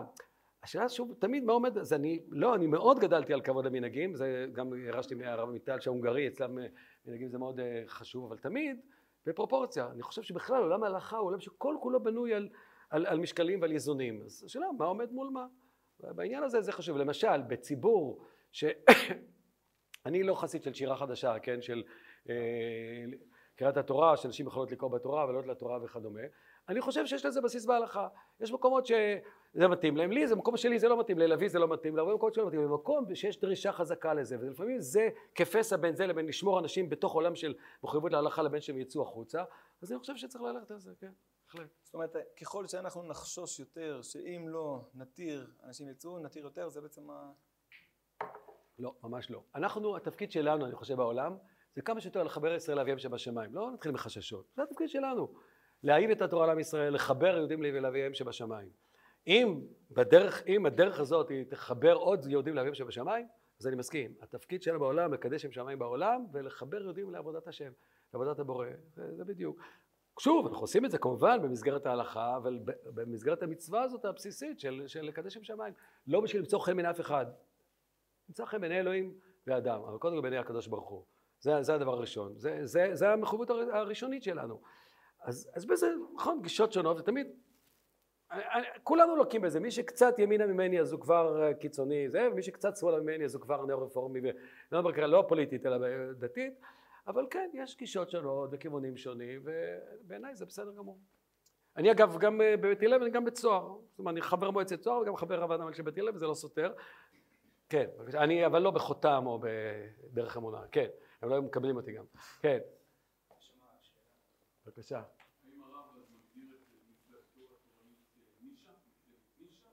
מפלגת, איזה מפלגה? אה, אתה... אה, תפיסה... אה, ושם הוא רוצה להיות, או שהוא אומר שאני חותר למרכז, ואדרבה כמה שיותר להכניס בתוכנו. זו שאלה מעניינת, בגלל שבאמת פעם, היותר מבוגרים פה, פעם הציונות הדתית הייתה דבר אחד, כל הציונות הדתית, כל מי שהלך עם כיפה סרוגה, זה היה פחות יותר דבר, היו קצת יותר מקפידים, קצת פחות, אבל הכל היה... היום, היום באמת יש בתוכה קולות שונים, כן? לא הרי הר המור כהרי מרכז הרב, ולא הרי מרכז הרב כ- כהרי ציון, ולא הרי... ו- וגם ישיבת מעלות, אם, אה, יש כאלה שישבצו אותה כמשהו, זה בגלל כל מיני... יש גוונים בתוך זה, ואני לא בטוח שזה גרוע שיש גוונים. בתנאי אחד, שיש סוג של, אה, של שיח, של כבוד הדדי, ולא של פסילה הדדית. ובתוך כל הקבוצות האלה, בגדול אני חושב שיש די שיח. אני לפחות אגיד לכם, בין הרבנים, אני אומר לכם שאני, כמו שאמרתי לכם, אני מדבר עם הרב אריאל, לפעמים של שאלה הלכתית רצינית, ויש לי שיח עם רבנים מכל מיני, בתוך העולם הציוני דתי, ואנחנו... אה, במעלות, יש- במעלות, במעלה גלבוע, יש לנו נוהג כזה, כל שנה אה, יש לנו אה, לקראת סוף זמן קיץ, דבר שנקרא ניצחוני בניי. הצוות עוזב את הישיבה ליומיים, והישיבה מתנהלת על תלמידים, הם נותנים שיעורים ושיחות, והצוות כולו הולך לאיזשהו מקום יומיים ללמוד, להכיר מקום אחר וכדומה. אז פעם היינו בעצמונה, פעם היינו בגולן, בישיבת הגולן, והשנה, זה היה יום אחד, היינו בהר ברכה. ישבנו עם כמה רבנים, עם הרב מלמד, הרב זה, עם הרב אליעזר מלמד, ועם כמה רבנים, רבים בישיבה, והיה מרתק. והתפתח שיח שם מאוד מאוד אה, מעניין, וישבנו פעם בשעלבים, אנחנו... אני, אני חושב שזה זה בריא שיש אה, גוונים שונים ודעות שונות. באופן טבעי, כשאדם מאמין במשהו מסוים, אז הוא גם מעוניין אה, להרחיב אותו, כן, אבל לא שיש עניין לכבוש, אני גם חושב שהדרך שלנו מתאימה לסוג אנשים מסוים וכדומה. יש בהחלט דברים שאני אה, מודאג מהם, תהליכים שאני מודאג מהם ואני הייתי מתווכח איתם, כן, אם, אם זה, בכל זאת נגענו רגע בפוליטיקה, גישות שמפתחות דברים שבעיניי בלתי מוסריים, כמו למחוק כפר שלם או דברים כאלה, או שלא רואים בזה נורא ואיום, זה בעיניי דבר שאני חושב שהוא, שהוא מעוות, שהוא חילול השם, ואני אתווכח עליו. על דברים אחרים, שיטות לימוד או מישהו, זה פחות, אה, כן, אז, אז, אז יש דברים שבהם אני אנסה, כן, אני רואה בזה ממש חובה, אני חושב שזה עיוות של התורה, אני חושב שזה חילול השם, זה דבר שבאמת אה, מטריד אותי, הייתי רוצה לשנות אותו, כן. בסדר גם בטח, בטח, בשביל זה באתי הנה. כן. אה, יש שם באמת ויכוח בין הרמב"ם והרמב"ן, כפי שאתה יודע. הרמב"ן באמת אומר זה היה חילול השם, הרי שם הוויכוח גם בין יעקב לבין, ובסופו של דבר יעקב מקלל אותם על זה, אמנם באותו מקום עצמו הוא רק אומר טיעון שנשמע כמו טכני, אחרתם אותי לאבישני וכולי, אבל אחרי זה אומר, ארור הפעם כעזה ואותם כקשתך, על כן ביעקב וביצם בישראל, והוא באמת מבקר את זה, אני לא חושב ששמעון ולוי זה, זה מודל שצריך לחקות אותו. יש מקום לקנאות בכלל, יש מקום לקנאות, אבל יש מקום לקנאות, אבל היא צריכה להיות על בודדים שבודדים, מי שיכול להגיד שהוא, כפנחס, מה? לא, לא, אז, לא, לא, לא, אז, בסדר, זה בדיוק השאלה, אני חושב שאין מקום לזה שמדינה כמדינה תחריב כפר שלם, אבל עזוב, אפשר להיכנס לזה ויכוח. אני יודע שיש דעות כאלה ודעות אחרות, בעיניי זו דעה שהיא לא נכונה, ביישום הזה, באופן תיאורטי יש דבר כזה של קנאים פוגעים בו.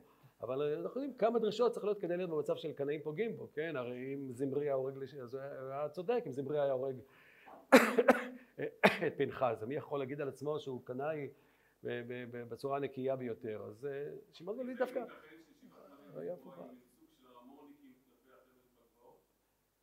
למה? אני לא... אנחנו... אני מוכן להקשיב להם. אני גם ביקרנו אצלם אפילו פעם, אני חושב ביקרנו אותם, אני במסגרת אחרת, במסגרת של בית הלל ביקרנו. ושמענו חבר'ה כאלה, אני לא חושב, אני לא חושב שהר המור שמקשיבים למישהו אחר. זה שיש לי עמדה, זה לא אומר שאני הר המור. כל אחד יש לו עמדה, ואני מקשיב לעמדה השנייה, אני מנסה להקשיב לה. גם למדתי את תורת המלך, וזה... אצלנו תמצא ספרים של כולם, במקומות אחרים לא תמצא ספרים של הרב ביגמן או שלי או של הרב יובל שרלו. אני חושב שזה ההבדל, אין סימטריה. יש כאלה שכל האמת אצלם, ולכן לא מכניסים שם ספרים של מישהו אחר, גם בתוך העולם ה... דתי, ויש כאלה שלא, זה, אני לא חושב שזה סימטרי. זה שיש לי עמדה נחושה בתחומים מסוימים, זה ודאי נכון. כשאני, כשאני אומר, או כשאומרים עליי שאני ליברלי או שפתוח או משהו כזה, זה לא אומר שאני, אין לי עמדה, אני קנאי לעמדה הזאת, מה פשוט? אני קנאי לעמדה של מורכבות, של פתיחות, אני חושב שהיא אמיתית, אני חושב שיש בי תעלת, אני רוצה לחנך עליה, אני מאמין בה, אני חושב שהיא עבודת השם נכונה. אז אני מכבד עמדות אחרות, אבל... כן. נעבור ל... כן. לעניין השוויון. כן. מה העניין של שוויון? כן. מתי שוויון יהיה ערך? האם שוויון הוא ערך? למה הוא ערך? כן. אוקיי, אז אה, אני חושב שהאמירה ההומניסטית החשובה ביותר שנאמרה אי פעם בעולם וגם האמירה הפמיניסטית הרי הכי חשובה שנאמרה בעולם, מופיעה בספר, בפרק א' בספר בראשית, פסוק כ"ז. ויברא אלוהים את האדם בצלמו, בצלם אלוהים ברא אותו, זכר ונקבה ברא אותם. הדבר שעושה את האדם לאדם, שזה צלם אלוקים, שיש בו מחלוק גדולה מהו? יש מי שאומר שזה התבונה, יש מי שאומר שזה יכולת הדיבור, יש מי שאומר שזה הנשמה, יש מי שאומר שזה הבחירה החופשית, יש אלף ואחד אה, שיטות, הרמב"ם אומר שזה השכל, כן? בדבר הזה איש ואישה הם שווים. זה כבר אמירה מדהימה. פרק ב' הוא מספר סיפור אחר, ואז באים חז"ל ואומרים, כן, ויקח את מצלותיו, מסתרה, והוא שאמרו חז"ל דו פרצופי נברא. זאת אומרת, כבר חז"ל מנסים את פרק ב', אבל פרק א' מציב באמת את האמירה שהיא אמירה מדהימה. שאחרי זה המשנה בסנדרין אומר, לפיכך נברא אדם יחידי, למדך שכל העם עבד נפש אחת, במקור לא כתוב בישראל, כאילו איבד עולם מלא וכדומה, זאת אמירה סופר הומניסטית, אבל הומניסטית לא בגלל שהאדם עומד במרכז, הומניזם דתי זה אומר, בגלל שכל אדם נברא בצלם אלוקים, לכן יש ערך לכל אדם, כי כל אדם שאתה פוגש אדם הוא, הוא חלק, האמירה הזאת שהדבר הכי דומה לאלוקים זה אדם, זה אחד החידושים הגדולים של התורה, כן, הדתות האחרות דיברו על הר קדוש ועל מקום קדוש, אומרים הדבר הכי קרוב לאלוקים זה האדם. אז יש שאלה בכלל ש, שהאמירה הזאת היא, ש, שהאמירה שאדם הוא בצלם אלוקים וכל אדם נברא בצלם אלוקים, יהודי ונוכרי, יש מעלה מיוחדת לעם ישראל, אבל זה, זה... לא, זה שכל אדם נברא בצלם, אני לא חושב שיש איזה מחלוקת, בטח לא בתוך היהדות. זה אמירה שוויונית, זה השוויון. לא, עכשיו, התפקידים, יש תפקידים שונים, זכר ונקבה אותם, ודאי שיש תפקידים לאיש, יש תפקידים לאישה, וזה בסדר גמור. ולמה יש תפקידים כאלה? לפעמים אני מבין, לפעמים אני לא מבין, לפעמים שאני כן מבין, לפעמים שאני לא מבין, אבל אני פועל על פי הכלים של ההלכה. אבל בוודאי שאני חושב ש... כן, בוודאי למשל הפמיניזם בעיקרון שקרה בעולם, אני חושב שהוא התקדמות של העולם. הרב קוק מדבר על התפתחות העולם מבחינה מוסרית בהרבה מקומות, וזה בעיני אחת ההתפתחויות של העולם. זה, זה שהעולם מתקרב למה שבעצם המקרא רוצה. הרבי האחרון מחב"ד דיבר על זה הרבה, שחלק מתהליך הגאולה זה נקבת הסובב גבר, זה מעמד האישה שיגיע למקום יותר גבוה וכדומה. זה... ועם כל זה, כן. אחרי כל הדרשות של חב"ד, הוא אומר שבחופה אישה צריכה לשתוק ולא לומר את רוצה להתקדש, היא לא אומרת כן. אה, ואני מבין שהרב אתה כן דוחף בעד חופה כמה שיותר שוויונית. לא, לא דוחף, מאפשר. מאפשר. אה, כן. אני... אז איפה המחלוקת? לא, אז, לא, המחלוקת היא מי הציבור שלו ומי הציבור שלי. אני בטוח שאם הוא היה בקיבוץ לביא, הוא אומר אותו דבר. מה זאת אומרת? זה דווקא לא בקיבוץ לביא, על מקומות אחרים. אה, חב"דניקים גם בטוחים בזה? מה? חב"דניקים גם בטוחים, חותמים על האמירה הזאת? מה אכפת לי מה הם חושבים? אני, אוקיי. בסדר, מה, חב"דניקים יודעים יותר טוב על הרבי ממני? לא, הרבי אמר את הדברים שלנו, הם קיימים. מה, בגלל שהם חב"דניקים? אוקיי. אז לא, אני, לא, אני חושב ש... כן, אני חושב ש... אה, אם...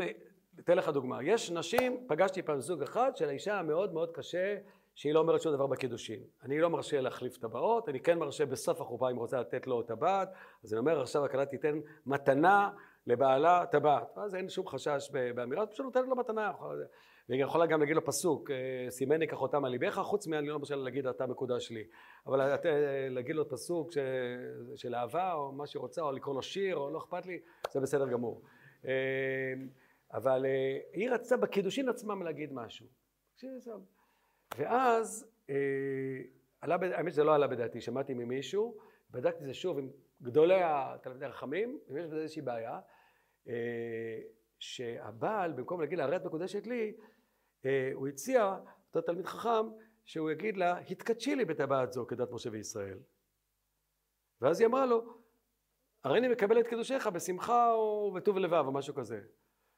מצוין, אין בזה שום בעיה הלכתית. אז אם זה פתר לה הזוג הזה בעיה, וזה היה כל כך חשוב לה, והיה כל כך בעיה בשבילה, והיא התחילה לה... אז מה הבעיה בזה? ואין בזה שום נדנוד הלכתי ושום דבר, ושום מנהג ישראל, שום, אין בזה שום למה, בעיה. למה זה שונה ממנהג ישראל אחר? כי... אמא שלך לא התחתנה ככה. לא, מה? אמא נכון. שלך בטח לא סבתא שלה, לא התחתנו ככה.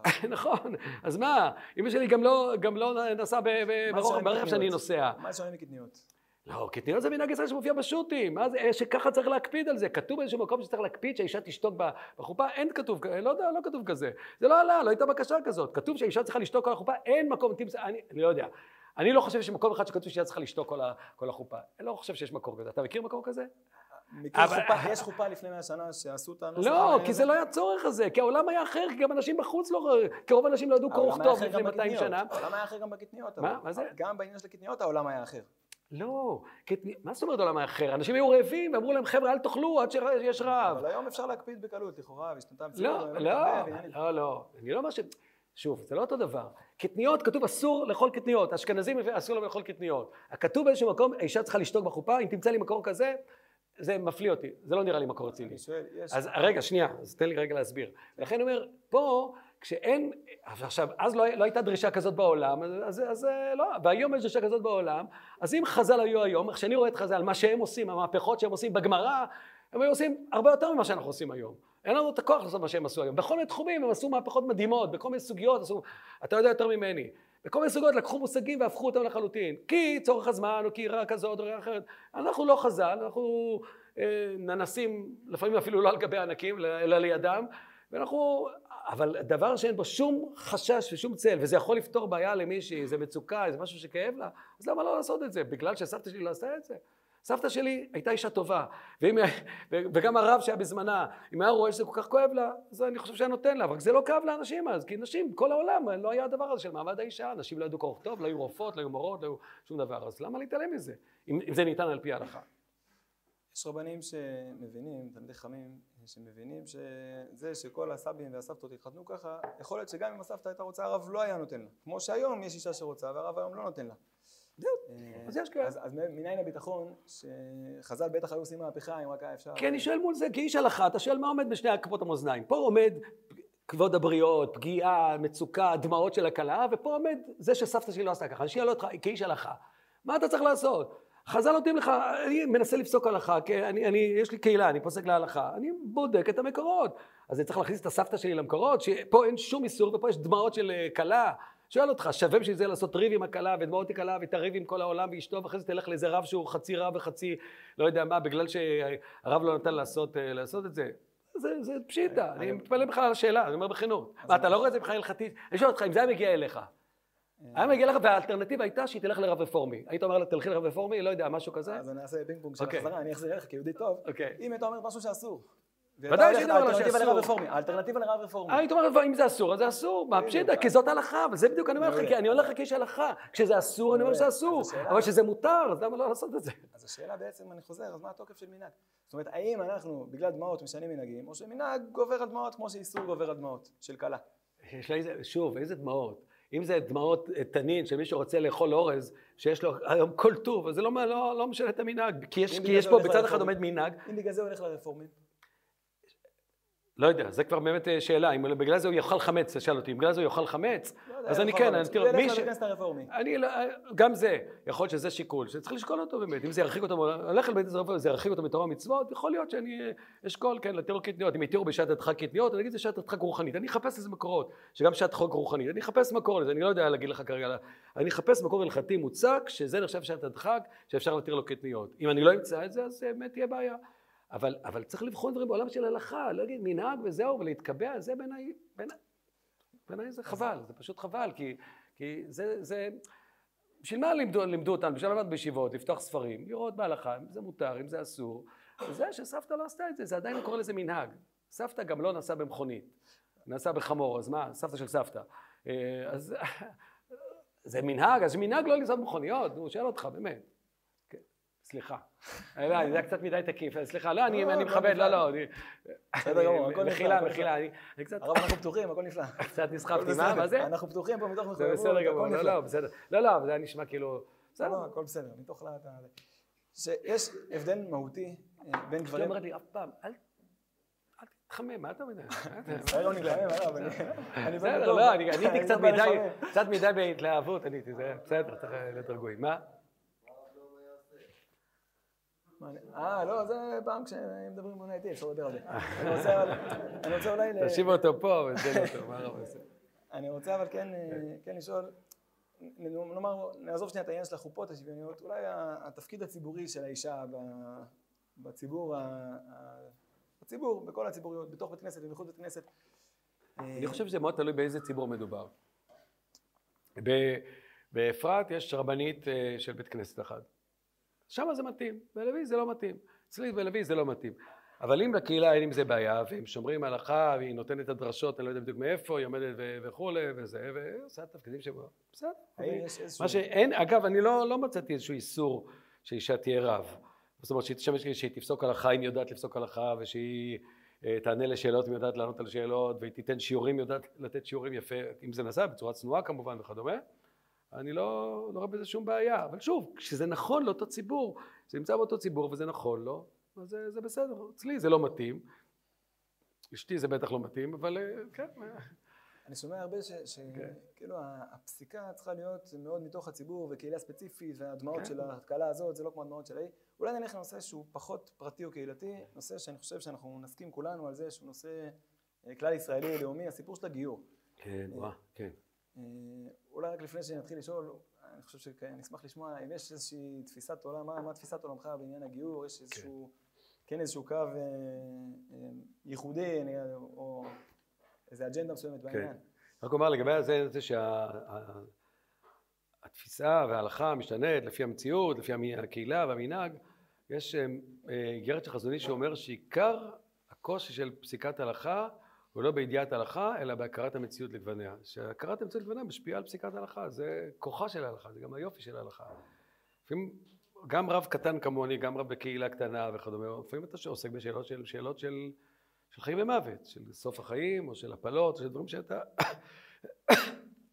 צריך להתפלל, הקדוש ברוך הוא לסייעתא דשמיא. וסיפור על הסבא של אשתי באה ממשפחה של רבנים, הסבא רבא שלה רבי סר זלמן מלצר, הסבא שלה רב ציודה מלצר, ושהסבא שלה היה רב בפרדס חנה, סתם סיפור נחמד. אה, אז זה היה לפני 60 שנה או 70 שנה, משהו כזה, אה, כן, יותר, 70 שנה אני חושב, הוא היה רב של פרדס חנה, ואז היה שם בית ספר, רק בית ספר אה, כללי, ממלכתי, לא דתי. והיה שם כמה שיעורים בתנ"ך ובתורה בשביל כמה ילדים דתיים שלמדו שם, ביניהם, ביניהם גם חמותי, האימא של אשתי, שהיא שתהיה בריאה, בת 96. אז היא למדה בבית ספר כזה, בבית ספר יסודי כזה, ואז הייתה שאלה אם לפתוח גם בית ספר דתי, אבל המשמעות הייתה שאם יפתחו בית ספר דתי, אז uh, הילדים הדתיים ילכו לשם, ובבית ספר החילוני לא יהיה תנ"ך ויהדות וכולי. והייתה התלבטות, באו לשאול את, ה, את הסבא של, סבא של אשתי, הרב ציודה מלצר, הבן של רב ישראל זלמן, שהוא אחרי זה רב של רחובות, אחרי שהיה רב של פרדס חנה. ואז הוא אמר שאלה קשה, של דיני נפשות, במובן הרוחני של זה, כן? ואז הוא הלך, אמר, נתייעץ עם החזון איש. מתי נפתח החזון איש, אתם יודעים? בערך? כן, כן, נדמה לי שחמישים וארבע, כן, בתשי"ד. בקיצור, זה היה לפני זה, אז בכל אופן, הלך לשאול את החזון איש, החזון איש חשב, חשב, חשב, אחרי זה אמר לו, תשמע, אתה אמר הדאתרא, לך יש סייעתא דשמיא, אתה תפסוק, ואני לא אפסוק בזה. ככה אמר לו. וזהו, הוא חזר למקום והמשיך עוד כמה שנים, המשיך ככה, שלא לא השביתו את ה... את ה לא, לא פירקו את הבית ספר, עד שהיה מספיק ילדים וכולי, וכבר זה לא היה סדר ביחד, אבל זה כבר, אני חושב שזה היה כבר אחרי זמנו. בכל אופן, היא למדה עד, לא יודע, עד איזה כיתה בבית ספר אה, כללי. אה, אוקיי, למה הזכרת בזה? אה, כן, זה אמרתי, כן, הש, המקום וזה, זה מאוד משנה לפסיקת הלכה, מאוד משנה. אינה דומה פסיקת הלכה בפרדס חנה, פסיקת הלכה בבני ברק ובלוי ובירושלים, בצפון ירושלים ובדרום ירושלים. כן, זה, זה, לא, זה לא חידוש של בית הלל ולא חידוש של פתיחות, זה מאז מעולם היה עולמה של ההלכה. כן, עכשיו לעניין הגיור. וואו, אה, אני חושב שהעניין של הגיור זה אחד הנושאים הכי דחופים במדינת, במדינת ישראל, הכי חשובים, וכשהם לא, לא מספיק מדוברים ולא מספיק אנחנו מרגישים אותם. אה, אני אסביר מה, מה הבעיה. אחד ההישגים הכי גדולים של מדינת ישראל מבחינה יהודית זה שהיא המקום היחיד בעולם שברוך השם כמעט ואין בו התבוללות. לא יודע כמה מכם יודעים, אבל בכל העולם היהודי שמחוצה לנו, ההתבוללות אוכלת לנו בכל פה. זה, זה באמת נורא ואיום. אמריקה, כן, שיש שם, אף אחד לא יודע בדיוק כמה יהודים יש שם, חמישה מיליון, שבעה מיליון, איך סופרים אותם וכולי, אבל בתוך זה, כמה מתוך החמישה, שישה מיליון יהודים שיש באמריקה הם אורתודוקסים, הם אנשים שומרי הלכה, איזה אחוז, מי שיודע? עשרים? עשרה אחוז, עשרה אחוז הם אורתודוקסים, הם שומרי הלכה, 90 אחוז זה קונסרבטיבים, רפורמים, והקבוצה הכי גדולה זה non-affiliate, שלא קשורים אפילו לשום דבר, אפילו לא בית רפורמי, לשום דבר. וכשמורידים את העשרה אחוז האלה, אז אחוזי ההתבללות שם זה 80 אחוז. זאת אומרת, על כל עשרה זוגות שנישאים, שמונה מהם נישאים לבן זוג, בת זוג לא, לא יהודים. זה דבר נורא ואיום. יחד עם האורתודוקסים אז זה יורד אני חושב ל-60 אחוז אה, כשמכניסים אותם ל... ל, ל קיצור זה, וזה נכון באירופה, נכון במקום שיש יהודים יש התבוללות איומה ונוראה. מקום, ההישג הכי גדול של מדינת ישראל לדעתי מבחינה יהודית שעם ישראל פה ברוך השם מתפתח ו, ומתרבה בצורה מדהימה מדינה מערבית עם הריבוי הטבעי הכי, הכי גדול ברוך השם ו, ו, וזה המקום היחיד בעולם שגם אדם חילוני לצערנו יכול להיות די בטוח עד לאחרונה שגם הנכדים שלו יהיו יהודים. בכל מקום אחר בעולם, אנשים שהם לא אנשים שומרי תורה ומצוות, גם אצלם זה לא מאה אחוז בטוח, כולם שם יש להם נכדים לא יהודים. עכשיו ההישג הגדול הזה של מדינת ישראל הוא ב... נכנס למציאות ב-20-30 שנה האחרונות שהוא הולך וננגס. ולמה?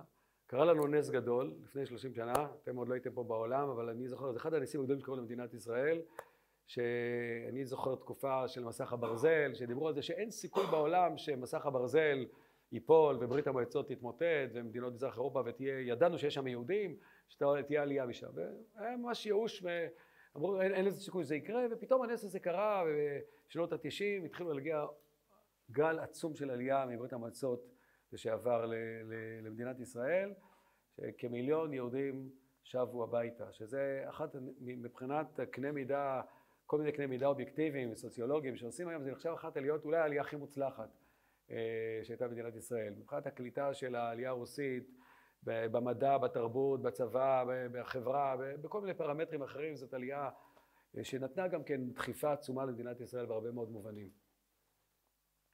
דא עקא, שבתוך הקהל הגדול הזה באו גם כמה מאות אלפים, ויש ויכוח על המספר הזה, 200, 300, אולי זה אפילו יותר היום, אה, אלף יהודים שאינם יהודים. שהם זרע ישראל, שאבא יהודי, סבא יהודי, אה, הם לא יהודים על פי ההלכה. והשאלה היא מה, מה עושים איתם? עכשיו הם אה, גרים בארץ, רואים את עצמם כישראלים, כיהודים, מדברים עברית, הולכים לצבא, מתארים בחברה הישראלית, עם מי הם מתחתנים? עם ישראלים. זאת אומרת שבעצם במדינת ישראל היום יש יותר ויותר ויותר נישואי תערובת. וחס ושלום יש סכנה שיהיו פה שני עמים. במובן הזה של, לא מדבר על מעבר ל-20% לא יודעים שיש פה ערבים, ברוך השם, ששוב, נישואים בין יהודים לערבים, למרות שיש פה 20% לא יהודים, הם, הם עדיין נדירים. הם ברוך השם נדירים, כל מקרה זה אסון, אבל זה, זה עדיין אה, נדיר. ברוך השם אין, אין נישואים כמעט בין יהודים למוסלמים, לדרוזים, לנוצרים. אבל הציבור הזה שרואים את עצמו כיהודי ומדבר עברית וחלקם אפילו מסורתיים כמו הרבה מסורתיים חילוניים שאוכלים מצות בפסח אולי צמים ביום כיפור אולי אה, מדליקים נרות בשבת או לפני שבת או בשבת אה, בכל אופן חלקם ו, והציבור הזה הוא הולך ומתחתן ולכן בעצם האתגר הגדול של מדינת ישראל היה להחזיר אותם לעם ישראל לגייר אותם אלא מאי של גיור באופן פשוט, לא יודע כמה למדתם את הסוגיות האלה ביבמות וכולי, אבל באופן פשוט יש מילה וטבילה וקבלת מצוות. אז מילה וטבילה, רוב האנשים היו מוכנים, גם הגברים, למרות שמילה זה דבר לא פשוט לאדם מבוגר, אבל זה מעשה חד פעמי.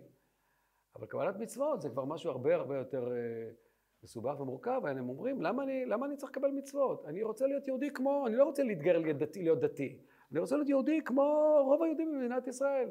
כמו רוב האזרחים, כמו רוב הכנסת, כמו רוב הממשלה, כמו רוב הצבא, כמו רוב... זה נחמד שאתה דתי, אבל אני רוצה להיות יהודי. יהודי, אני מוכן להיבחן על חומר, לדעת מה זאת יהדות, תיתנו לי מה ללמוד את החומר, ואני צריך בגלל זה לשמור שבת, בגלל, בגלל זה לאכול כשר? ו... ואז באו רבנים ואמרו, אין ברירה, אין, אין דבר כזה. אין, להיות יהודי, אתה אזרח ישראל, זה שאתה הולך, ו- ואני הולך לצבא, ואני מוסר את נפשי, ואני הולך לצנחנים, ואני ביחידות הכי זה, ו...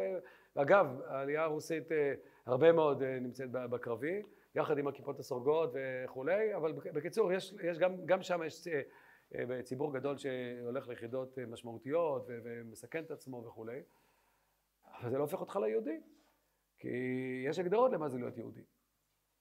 אז לכאורה זה אחד המקרים שאתה אומר אין חוכמה ואין תבונה ואין עצה נגד השם.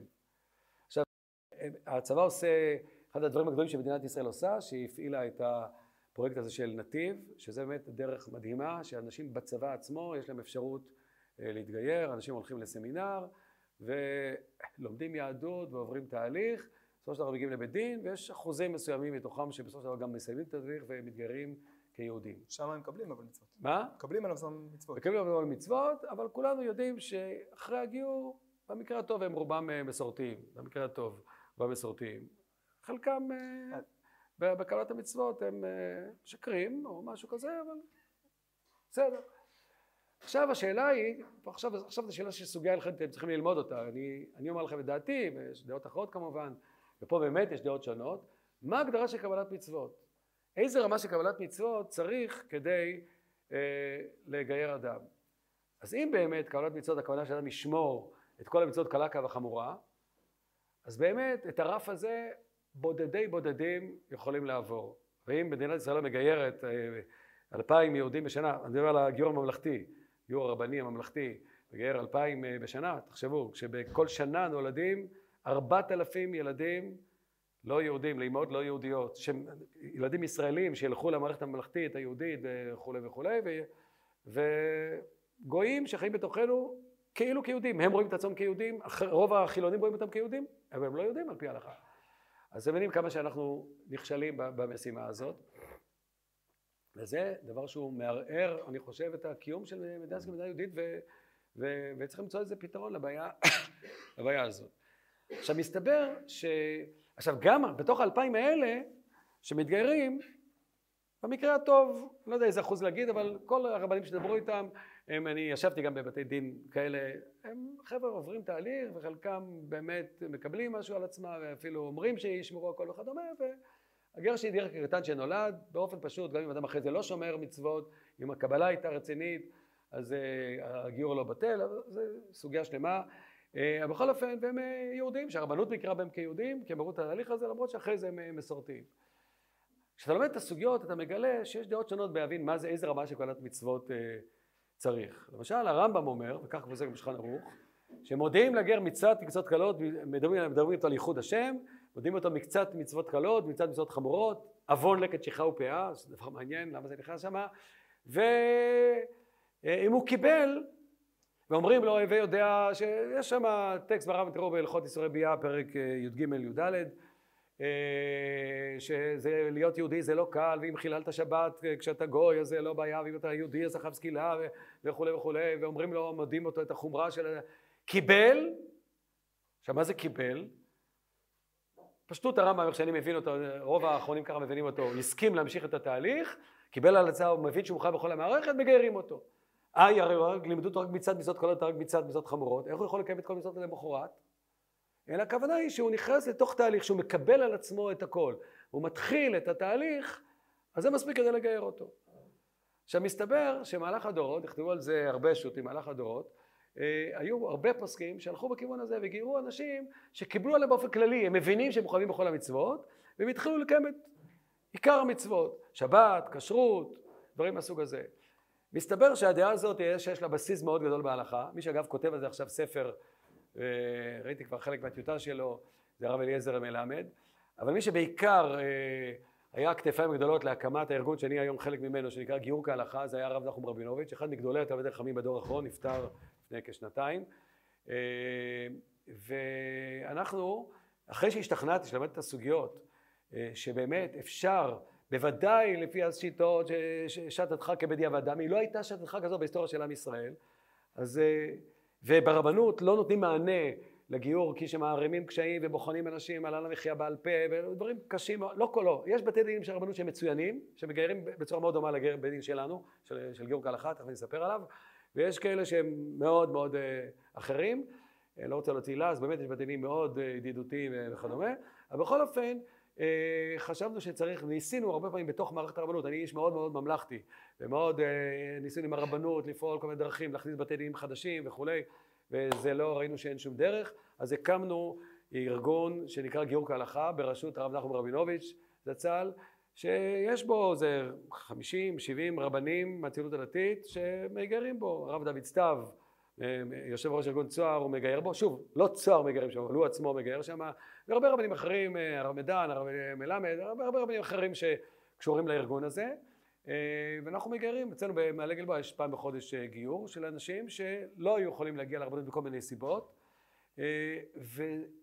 ואנשים מקבלים על עצמם, יש לנו קבלת מצוות בוודאי, אדם מבין שהוא מוכן בכל המצוות והוא מקבל על עצמו דברים עיקריים, אנחנו מנסים כמה שיותר, אבל לפחות המינימום זה שבת, שבת כשרות וטהרת המשפחה. שוב, שבת, אני לא יודע אם הוא לא מסמס בשבת, אבל שהוא לא, שאדם לא מבשל בשבת ולא מחלל שבת, בוודאי בדאורייתא וכדומה, כן, שאדם מקבל לעצמו עיקר שבת וכשרות וטהרת המשפחה באופן בסיסי, והוא מבין שהוא מוכן בכל המצוות, אנחנו מנסים גם כן לשדך אותם למשפחות מאמצות, שזה התחלה של תהליך, ואנחנו חושבים, מה זה אנחנו חושבים? יש לנו הרבה מאוד תשובות הלכתיות שככה נהגו גדולים בישראל במאות השנים האחרונות. היה גם זרם אחר שהחמיר יותר ודרש קבלת מצוות מלאה וכדומה. בפירוש היה מחלוקת, אבל נראה לנו שבמציאות הזאת שלנו היום, האלטרנטיבה, שאני אני אגיד משפט אחרון על זה ואז אני אפתח את זה לשאלות, שבחוץ לארץ באמת היה עניין, ועד היום יש עניין, להחמיר בגיור. כי אם אתה מקל בגיור אתה יוצר יותר נישואי תערובת.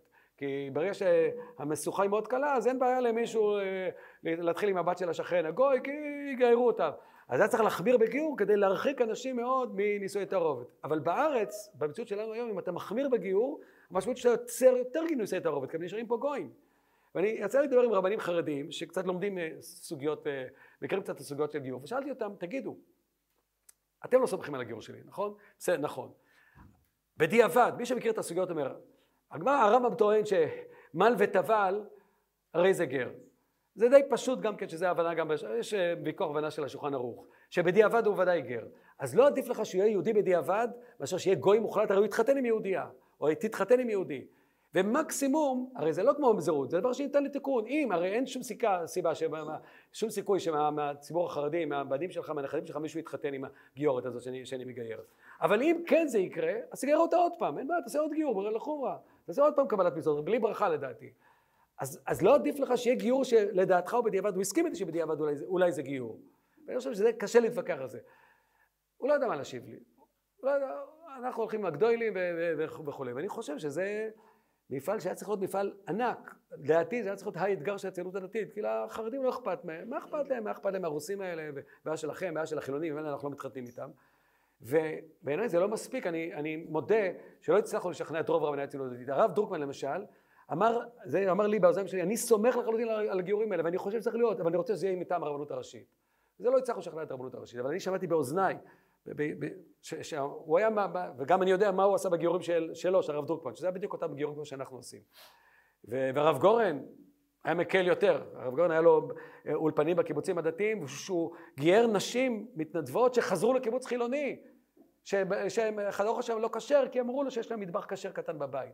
בקיצור, היו גדולי, גדולי עולם ש, שהלכו במציאות הרבה יותר, הרבה פחות שעת הדחק מאשר היום, שיש פה מאות אלפים כאלה. במיוחד בגיור קטנים, שהרב הרב רבינוביץ' דיבר על זה הרבה, גיור קטנים, שוב, צריך ללמוד סוגיית גט קטן בכתובות, שזה הרבה יותר פשוט מבחינה הלכתית, כי זה על דעת בית דין, שלפחות לעשות גיורי קטנים בהמונים. שזה ניתן, כי זה, זה למנוע את הטרגדיה הזאת. כל מקרה שאתה מונע של נישואי תערובת, זה, זה הצלת נפשות. אז אני מרגיש ש... אז אני נחלקתי, אנחנו חלק מהגיור כהלכה, אנחנו עושים גיורים אצלנו במעלה גלבוע, שהם לא מוכרים על ידי הרבנות, היום משרד הפנים כן מכיר בהם, ואז אנחנו גם באותו, מחתנים אותם. ובבוא היום, אם הם, אם הם ירצו להיות מקובלים יותר על הרבנות, הילדים שלהם, אז יעברו עוד גיור. חלקם אנחנו ממליצים להם, זה ילדים, תגיע לצבא, אם עד אז זה לא יוכר גיור שלנו, בממשלה הקודמת, בהסדר של מתן כהנא, זה היה, היה דרך להכשיר את הגיורים שלנו, כיוון שהוא רצה שרבני ערים יוכלו לגייר, ורב של עפולה בראש שלנו, הרב שמואל דוד, אמר אין לי שום בעיה שהגיור שלכם במעלה גלבוע היה תחת השם שלי, ואז אלה ש... זה היה מוכר על ידי הרבנות, אבל זה כידוע כבר אה, אה, היסטוריה. כן. השאלה שלי, באמת כן, בלי, עכשיו. בלי לגלוש לתוך הסוגיות עצמן של הגיור, שאני כן. לא יודע כמה כולנו אה, מונחים בהם, אה, בעצם אם אני מבין נכון, אם, ותקן אותי אם לא, יש את תפיסת העולם ההלכתית של הרבנות הראשית בעניין, ולכם יש תפיסת עולם קצת אחרת לגבי בדיוק החומרה של מה זה מקצת מצוות וכו'. מה ההגדרה של קבלת מצוות? כן. אה, עכשיו, עברתי לסיפור של הגיור, באמת בגלל שפה יותר קשה לומר כל קהילה, לא דין לביא כדין פרנס חנה, כדין בני ברק, יש פה משהו לאומי. מי אמור לקבל אחריות על הכרעה לאומית? הרי זה בדיוק לכאורה הטענה של הרב דרוקמן, בעצם מה הוא אומר לכם? אני מקבל את ההלכה, את התפיסת עולם, האג'נדה ההלכתית, אני איתכם, אבל אני מחויב למערכת שנקראת הרבנות הראשית לישראל, כי יש פה שאלה כלל ישראלית.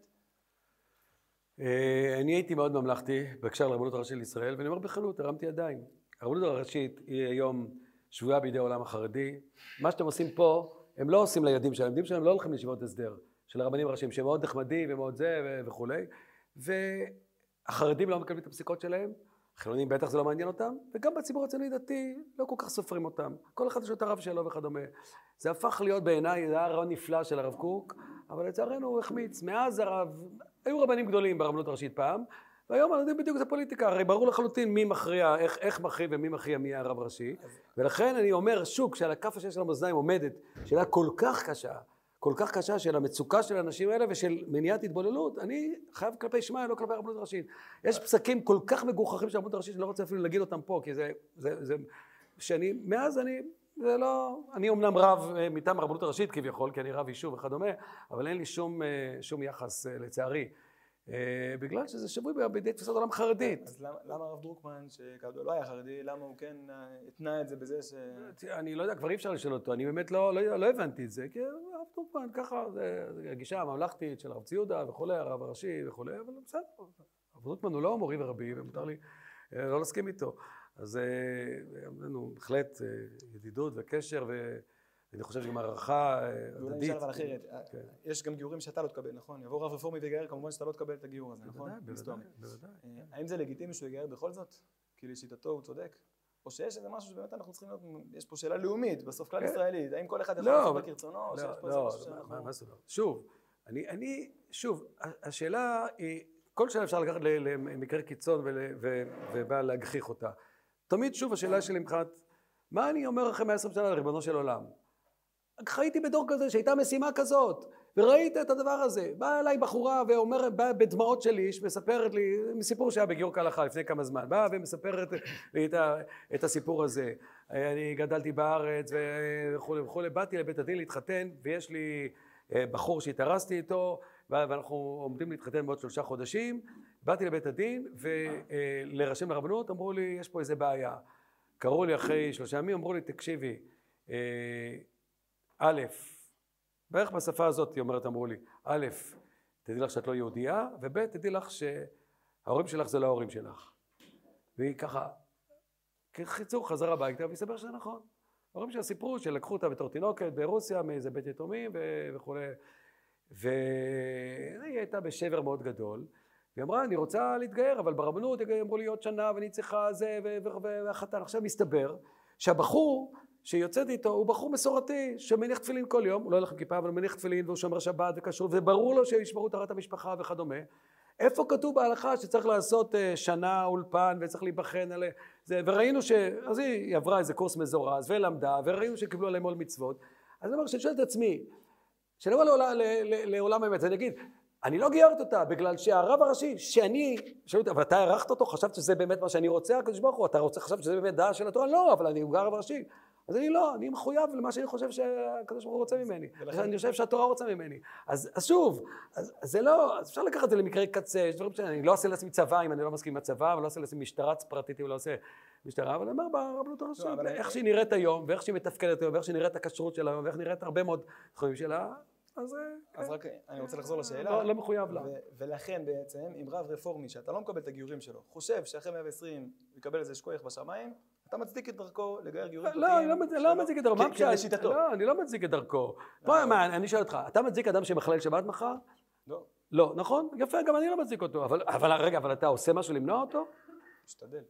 איך? איך אתה, מה אתה עושה? לומד תורה, מתפלל, יפה, זה גם מה ש- מניח לו תפילין. בדיוק, זה מה שאני מנסה לעשות גם כן, לרב הרפורמי. לא הבנתי מה- הקשר בין זה לבין השאלה על גיור. זה בדיוק השאלה, אני אומר, מה זאת אומרת? אני לא מסכים איתו, אני כי אני חושב שהוא טועה. אז מה, לא, לא, לא, לשיטתך, אני חושב שהוא טועה, אני חושב שזה לא. בסדר, אני חושב שהוא מכשיל לא הסברתי אנשים. את השאלה, לא הסברתי את השאלה. בסדר, כן. יש פה שתי מחלוקות. יש מחלוקת אחת על תנאי הגיור, האם הגיור הזה הוא כשר או לא כשר הלכתית, יש בזה את דעת הרבנות הראשית, יש את דעתכם, ויש את, אה, לא לא אפשר, אי אפשר באותו משפט, אבל כאילו, להבדיל, יש רפורמי שלדעתו זה נקרא גיור. כן. אה, השאלה לא האם הוא צודק במה נחשב גיור, האם הוא צודק בזה שהוא יכול לקחת את סיפור הגיור לידיים, לשיטתך, ולמרות שיש רבנות הוא לא סופר אותם, והוא אחרי 120 שמיים רוצה לבוא נקי, ולשיטתו הוא אומר אני ככה. אגיד לו, לא, האם זה אני- בסדר מה שאתה לא, עושה? לא, אני אגיד לו שלא, אני אגיד לו למה, כי אני אגיד שבסופו של דבר יש קונצנזוס הלכתי שכולנו, שרוב עם ישראל במדינת ישראל מכיר שזה עולם ההלכה, ואני חושב שהוא עושה גם רע לאותו אדם, כי זה לא יוכר בשום מקום, הגיור שלנו יוכר בהרבה מאוד מקומות. ואני חושב שהוא עושה רע לאותו בן אדם, הוא גם עושה רע כלפי שמיא וגם עושה רע לאותו בן אדם, בגלל שרוב עם ישראל לא מכיר רבנות בשלושה הרפורמית. חודשים, הסיפור כן, של ההיא יש לה דמעות וזה, וזה, הוא. עושה לה טוב מאוד. אותה אחת באה, בוכה שלוש, שלושה חודשים, וזה וזה, מאומצת.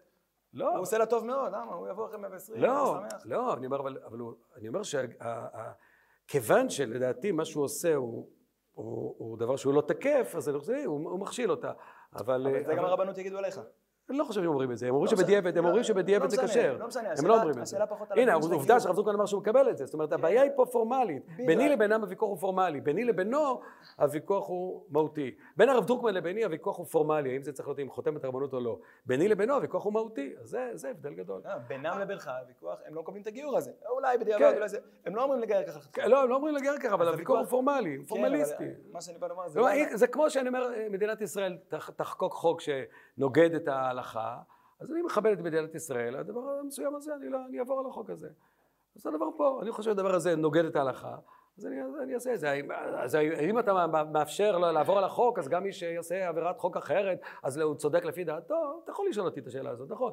אם אתה? עובר על החוק וזה... התשובה? מה? ומה התשובה? התשובה היא שלא כל דבר הוא שווה, לכל דבר אין הכי נמי. אני חושב שדבר שהוא מצפוני, אין הכי נמי, הוא בעייתי. אני חושב שאי אפשר לכפות עליי לחלל שבת, ולכן אני אעבור על חוק המדינה שיחייב אותי לעשות את זה. אה, בזה אתה מצדיק מישהו אחר שהוא יסרב פקודה? יכול להיות, מה אני יכול לעשות?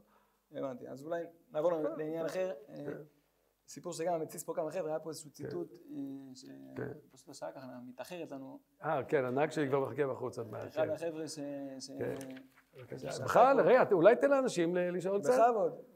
חברים, מי שרוצה לשאול? כן, בבקשה. הנה, תראה כמה רוצות, כמה רוצים לשאול. אדרבה, אדרבה ואדרבה. קדימה, כן. יש אה,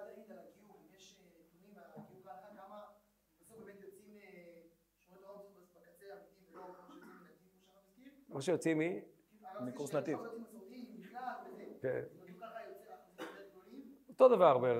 שוב, לא בדקנו, בערך אותו דבר. יוצאים אנשים מסורתיים, רובם הגדול יוצאים מסורתיים, כן, כן. אני ואני חושב ש... אה, אני חושב שהגיור הזה הוא תקף, שלא תמיד לא נכון. גם אם יוצאים מסורתיים, אני חושב שהוא תקף. שמעתי את זה מכמה תלמידי חכמים גדולים שלא מסכימים עם הגיור שלנו, אבל אני חושב שזה תקף בדיעבד. ואני אומר שאין דיעבד יותר גדול מזה, שעדתך כדיעבד דמי. כן, עוד. בבקשה.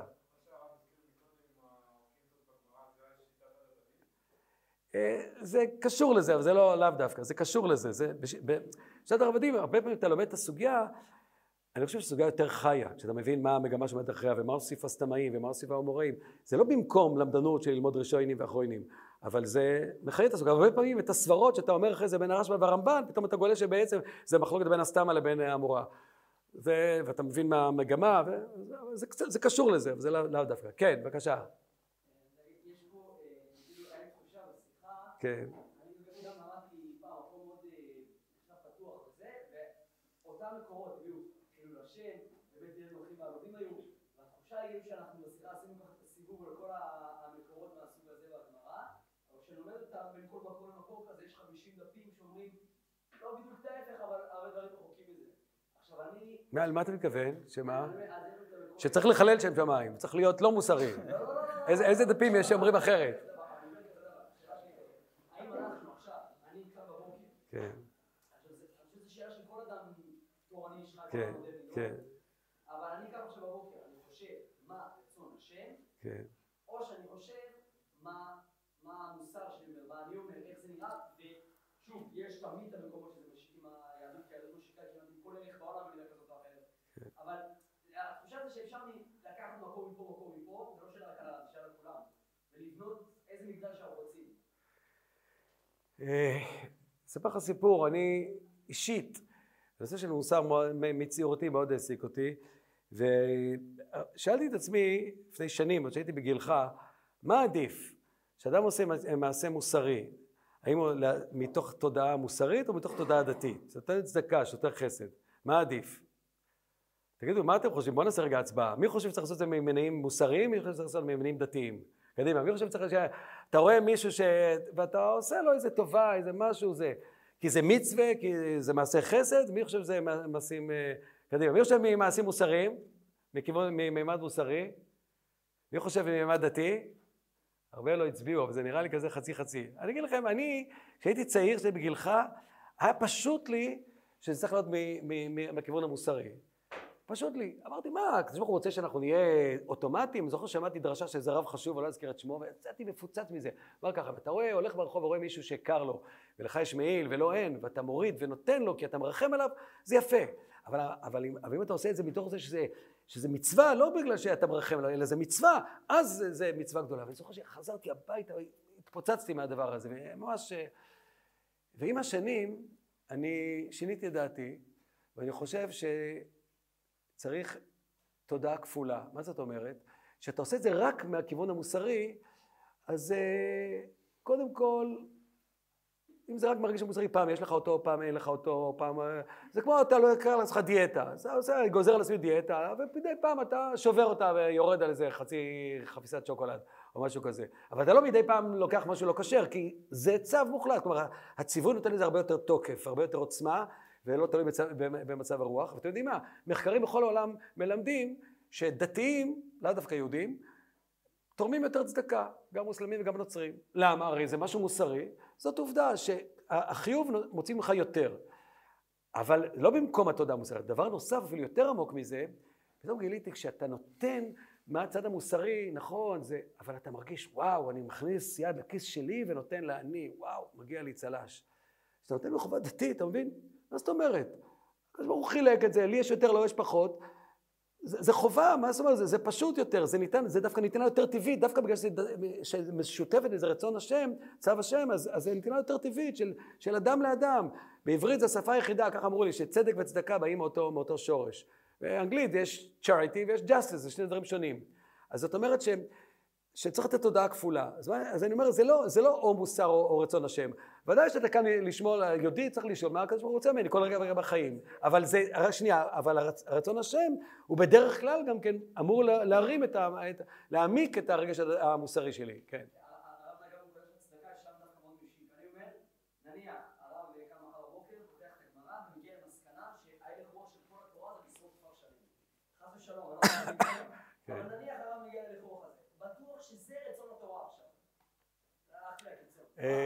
הלכת לקיצור, אני לא חושב שזה יכול להיות. לא חושב שזה יכול להיות. התורה אומרת, לא, לא, לא, אז אני אגיד לך, יש פסוקים מפורשים על זה. יש פסוקים מפורשים על זה, שאם בדברים י"א, כן, תבוא לארץ וכולי, לא תעשי לכבוד הגויים האלה, כי גם את בניהם ואותיהם ישרפו באש לאלוהיהם. זאת אומרת, אם יבוא אליך היום נביא ויגיד לך, תקריב את הבן שלך, אתה צריך להגיד לו, לא, אתה נביא שקר, כי זה נגד התורה. לא יכול, לא עולה בדעתי שהקדוש ברוך הוא יגיד דבר כזה. לא יכול להיות. אני אומר, טעיתי בהבנת הדבר הזה. אני לא מעלה את דעתי שיכול להיות. אם, אם אתה תפתח ותגיד, גמרא ותגיד לך שצריך לכפור בקדוש ברוך הוא. תפתח גמרא ותגיע לסוגיה שצריך לכפור בקדוש ברוך הוא. מה תעשה? יכול להיות דבר כזה? לא יכול להיות. גם זה לא יכול להיות דבר כזה. שיגיד לי, בעיניי זה באותה ודאות עומד. באותה ודאות זה עומד. באמת באותה ודאות זה עומד, מבחינתי זה עומד באותה ודאות. לא יכול להיות שיהיה דבר כזה, שיגיד לי, ל, ל, ל, ל, לא, שוב, בנסיבות מסוימות, שוב, אני לא אגיד, בנסיבות מסוימות אתה מפציץ אמריקאי ואתה צריך להציל את אושוויץ ואתה צריך להפיל כדי, כדי לשרוף את הכבשנים ולהציל יהודים, אתה צריך למחוק, יש נסיבות כאלה שזה מותר, אני לא אומר, אני מדבר בנסיבות של חפים מפשע, בנסיבות שזה בעיה מוסרית. ברור שמלחמה נהרגים אנשים חפים מפשע כדי להציל יהודים, אתה עושה, ונוהל שכן זה, זה בעיניי ודאי מוצדק, מוסרית והלכתית, לא משנה כרגע, זה, זה לא שאין דבר כזה בכלל. אבל אני אומר, כשאתה שאלת אותי, אתה שואל אותי על מקום שהוא חד משמעית סותר את המוסר, לא יכול להיות בעיניי דבר כזה. מה? הרמב"ם אומר שלא קרה, עמלק שקיבל עליו שבע מצוות, אז הוא כבר לא עמלק. לא קיבל. לא קיבל. לב. כן, אז... אז, אז אני חושב, ש, אז אני חושב, תראה, שמואל, שמואל נותן לך את התשובה לזה. שמואל נותן לך את התשובה לזה. כששמואל בא להרוג את, את הגג, אז הוא לא אומר, הרי אני מוכן מזמן לקיים מצוות מחיית עמלק, נוטל ידם, הולך למקווה ומקיים מצוות מחיית עמלק. אלא מה הוא אומר לו? שנייה, תן לי להשלים. הם לא יודעים מה אני אומר. אה, מה הוא אמר? אתה יודע, אבל הם לא יודעים. מישהו, מה, מה הוא אומר לשמואל? כאשר שקלה אנשים חרבך, כן תשקל אנשים ממך. למה הוא צריך להגיד לו את זה? הוא צריך ללכת לקיים מצוות מחיית עמלק. זאת אומרת שהתורה, בעיניי, אני מאמין בהשגחה, שזה שבא סנחריב וביבל את האומות, זה לא משהו טכני. אני חושב שזה משהו מהותי, אני לא חושב שהיום יכול להיות מציאות, אני לא מאמין שיכול להיות מציאות שיבוא אליי היום ילד עמלקי, נחמד, ונהרוג אותו כעמלקי. אני חושב שזה לא יכול להיות, אני חושב שזה השגחה שבא צריך לבלבל את האומות. וזה שהרמב"ם אומר, זה, אני גם חושב ששבט בני נוח זה... אבל לא משנה כרגע. מה, מה זה? לא, לא, זה היה, היה ודאי. לא, העיקרון ודאי שהייתה מציאות אחרת. לא תחק כל נשמה זה במציאות אחרת, שככה היו מלחמות בעולם. זה הרב קוק כותב. הרב קוק כותב את זה, זה לא אני כותב, הרב קוק כותב, בזמן שהיו מלחמות כאלה, אז זה היה צורת המלחמה. גם זה חז"ל באים ומעדנים. כשאתה קורא את התורה לא תחק כל נשמה, הורגים כל אחד. חז"ל אומרים לו לא, שלוש פרסטרי גמרות שהלך להם, מי שרוצה לפנות יפנה, מי שרוצה להשלים ישלים. אתה רואה את המגמה של חז"ל. זאת אומרת שחז"ל היו מוטרדים מהשאלות האלה לא פחות ממני. מה עם מלצר? אז, ויש, אז אני אומר, פה יש עצה, כי אתה רואה מה שחז"ל עשו לזה, אתה רואה ש... שוב, אם היה מציאות כזאת, אני חושב שלא יכולה להיות מציאות כזאת. אם היה מציאות כזאת ואין חוכמה בזה, אז הייתי עושה את זה. אני חושב שזה כמו שאתה לא חושב שיש מציאות, שתפתח גמרא ותורה ויהיה פסק הלכה שאומר לך לכפור בקדוש ברוך הוא. אני חושב שזה לא יכול להיות שיהיה פסק הלכה שיגיד לך מחר להרוג אה, אה, ילד נחמד בגלל שהוא עמלקי. אני לא חושב שיכול להיות דבר הרב, כזה. אולי אני כן. חושב ש... בעיניי לא. הוודאות של, של, של השם, מה פירוש? כי דעתיו למען אשר יצווה את בניו ואת דרו ושמרו דרך השם לעשות צדקה ומשפט. דרך השם היא צדקה ומשפט. אז כשאתה אומר לי שיהיה דרך השם שהיא בניגוד לצדקה ומשפט, זה לא יכול להיות. יכול להיות פסק, יכול להיות דרך השם שגורמת לדמעות בעיניים של כלה מסכנה? בוודאי, בוודאי שכן, אבל אם זה דרך? השם. מה עושים שם? מה עושים שם? מה עושים שם? בוודאי, אז אמרתי, אז שם אני אומר, אין חוכמה ואין עצה ותבונה, אבל כמו? שאמרתי עם הבחור, ואני ואני יכול להגיד, לבחור יכולתי לחבק, אני יכול לבכות יחד איתה ולהצטער איתה, ולהגיד, אין חוכמה ותבונה נגד השם, אבל זה כשאין דרך בהלכה. לא- זה ש- זה כשניגוד להלכה, לא לניגוד לזה שהיא תגיד, הרי אני מקבל את קדושך. זה מצב זה- דיעבדי?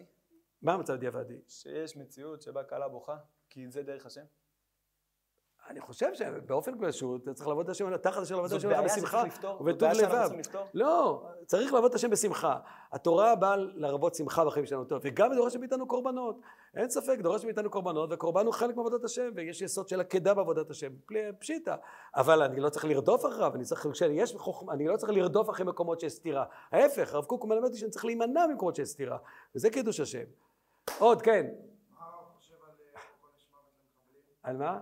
חוק עונש מוות למחבלים. זו שאלה בעיניי... מה? שהתורה מלאה בהרבה כן. דברים שגם הרמב"ם כותב ש- שגוי שפוגע ביהודית. נכון.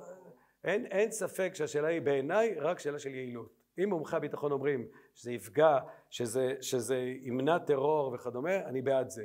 כיום רוב מומחי הביטחון אומרים הפוך, שזה יג- יגרום אה, פיקוחי, אה, זה, זה יגרום ליותר אה, טרור, הם הפכו להיות קדושים, ויחטפו חיילים כדי ל, ל, לבטל את העונש מוות, אבל זו שאלה, בעיניי שאלה, אם, אם זה מש, חד משמעית, אם, אם זה באמת נכון שזה ימנע טרור, אני בעד זה. אני חושב שזה לא, לא ככה המציאות. בואו נעבור לעוד שאלה, מה כן? לא, אני לא בזה בעיה מוסרית. ודאי שיש אנשים שהם בני מוות, כן, בבקשה. כן.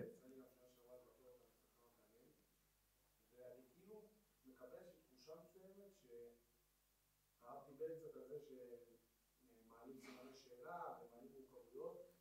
מרגיש לי לפחות גם מהחינוך שאנחנו מגיעים ממנו, ובמיוחד מהחינוך בתי ספר מאוד מסוימים שמגיעים ממעלה גלבוע, שיכול להיות שדווקא הזמן הזה של שורה א', ב', ג', שאנחנו לא ממש יודעים מה אנחנו רוצים מעצמנו, אני לא יודע אם זה הזמן לשים את סימני שאלה. כאילו, אני מרגיש דווקא שזה הזמן לייצב את היסודות, לתת בסיס, לתת הרבה יותר סימני קריאה.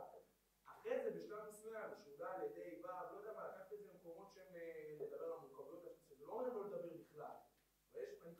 סליחה שנייה, מישהו יכול לקפוץ רגע בחוץ להגיד למונית שאני, שאני פה, שלא יברח. שמחכה לי מונית בחוץ ו... כן, תחושה כאילו שבעיקר מתמקדים בסימני שאלה, וזה קצת מבלבל את כן. אז זו, אני לא יודע מי פגשת שם. קודם כל, אתה צודק לגמרי. יש אנשים שסימני שאלה בגיל הזה, זה רק יבלבל אותם. יש אנשים שזה דווקא יחזק אותם. שוב, לא נשארים עם הסימני שאלה. הם חותרים לכיוון השאלה, גם באיזה שלב של השנה אתה פוגש אותם וכדומה. אבל אה, אני לא חושב שיש דרך אחת שהיא נכונה לכולם. גם לא חושב שיש למישהו תעודת ביטוח על, אה, על החינוך. הלוואי והייתי יכול להגיד שאני מאושר מכל התלמידים שיצאו מעל הגלבוע. הלוואי שהייתי יכול להגיד שאני שמח. בכל דרך חינוך זה ככה, בחינוך... בקיצור, אה, נכון, אני מסכים, יש אנשים שזה לא מתאים להם, שזה דווקא מתאים להם, שאם היו מגיעים למקום של סימני קריאה, זה דווקא העיף אותם החוצה מהעולם הדתי.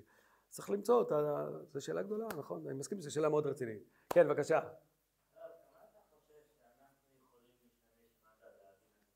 כמה יכולים להשתמש ב... מדע. מדע, מדע. וואו. אה, זו שאלה גדולה, התחום של... בהרבה מאוד תחומים, בוודאי שאני חושב שיש יש, יש עניין. אה, אה, מה זאת אומרת, אבל לה- להבין את התורה, להשתמש במדע, לא, לא הבנתי בעצם, להבין או ליישם? תס, תסביר לי קצת יותר את השאלה. מדע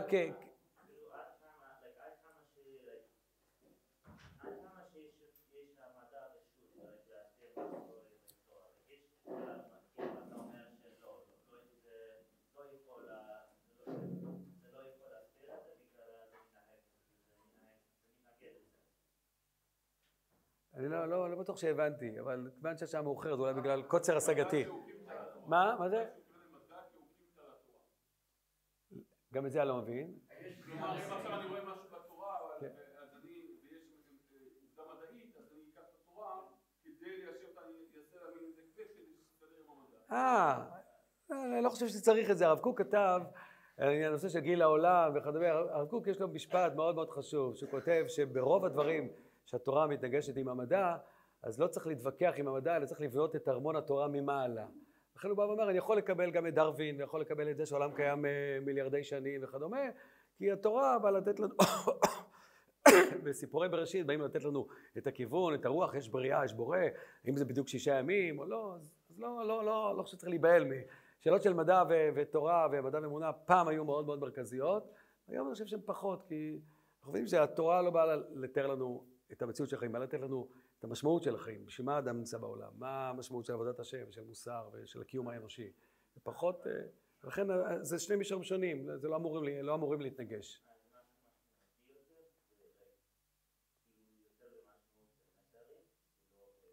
יותר משמעות מה? מסרים.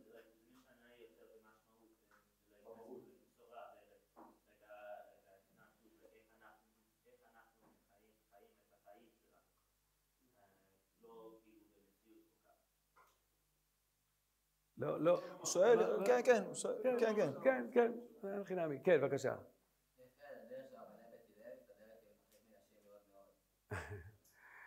אה, סימן כ"א באבן העזר, התרחק בין אנשים מאוד מאוד, לא יקרוץ ולא ישחוק וכולי וכולי.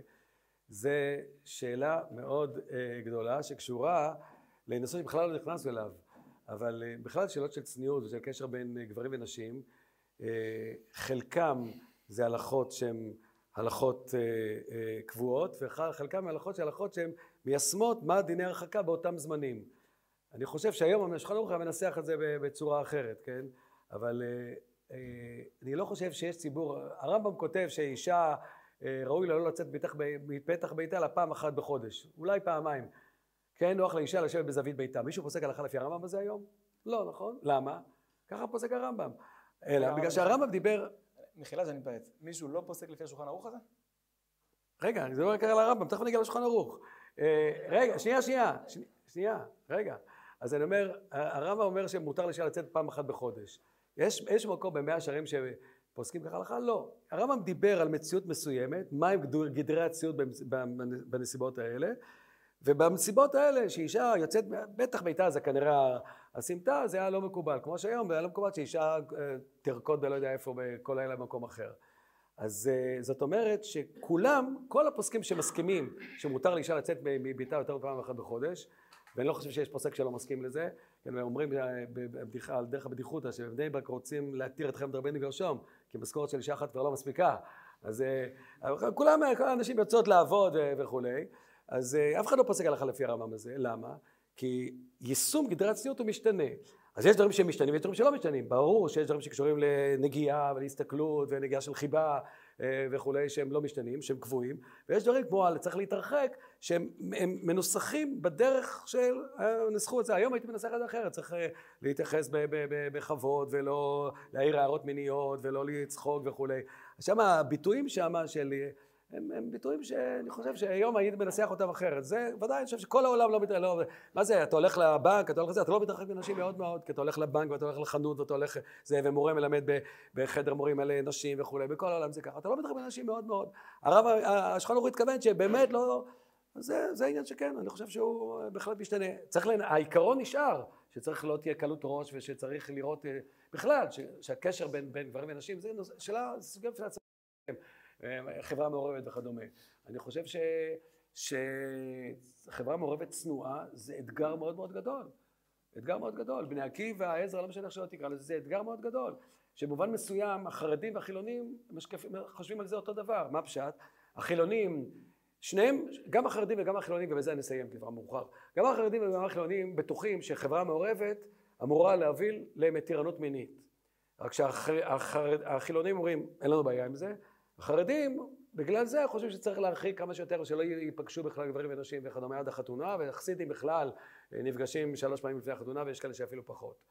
אז אה, ואני חושב שהגישה של הציונות הדתית, הקלאסית, אני חושב שהיא הגישה הבסיסית של ההלכה, כי אחרת לא היה דיני ייחוד ודיני אה, נגיעה וכדומה, היא לא שאפשר, כן, לחיות בחברה מעורבת, צנועה, לשמור גדרי ההלכה כמובן, לשמור על ייחוד, לשמור על אה, דברים שהם, אה, קשוחים בהלכה. יש כל מיני פרטים בדיני צניעות שהם משתנים, פרטים שמשתנים, מהם גדרי הצניעות היום. היום ללכת לב- לבנק שכל הפקידות הן נשים, זה לא חריגה בגדרי הצניעות, אבל לפני מאה שנה זה היה חריגה איומה ונוראה. אז זה דוגמה של שינוי. חברים, נעמתם לי מאוד, לילה טוב, כל טוב, שלום שלום, ותודה על ההקשבה. יישר כוח, תודה רבה רבה. הרב יהודה גלעד, יישר כוח גדול.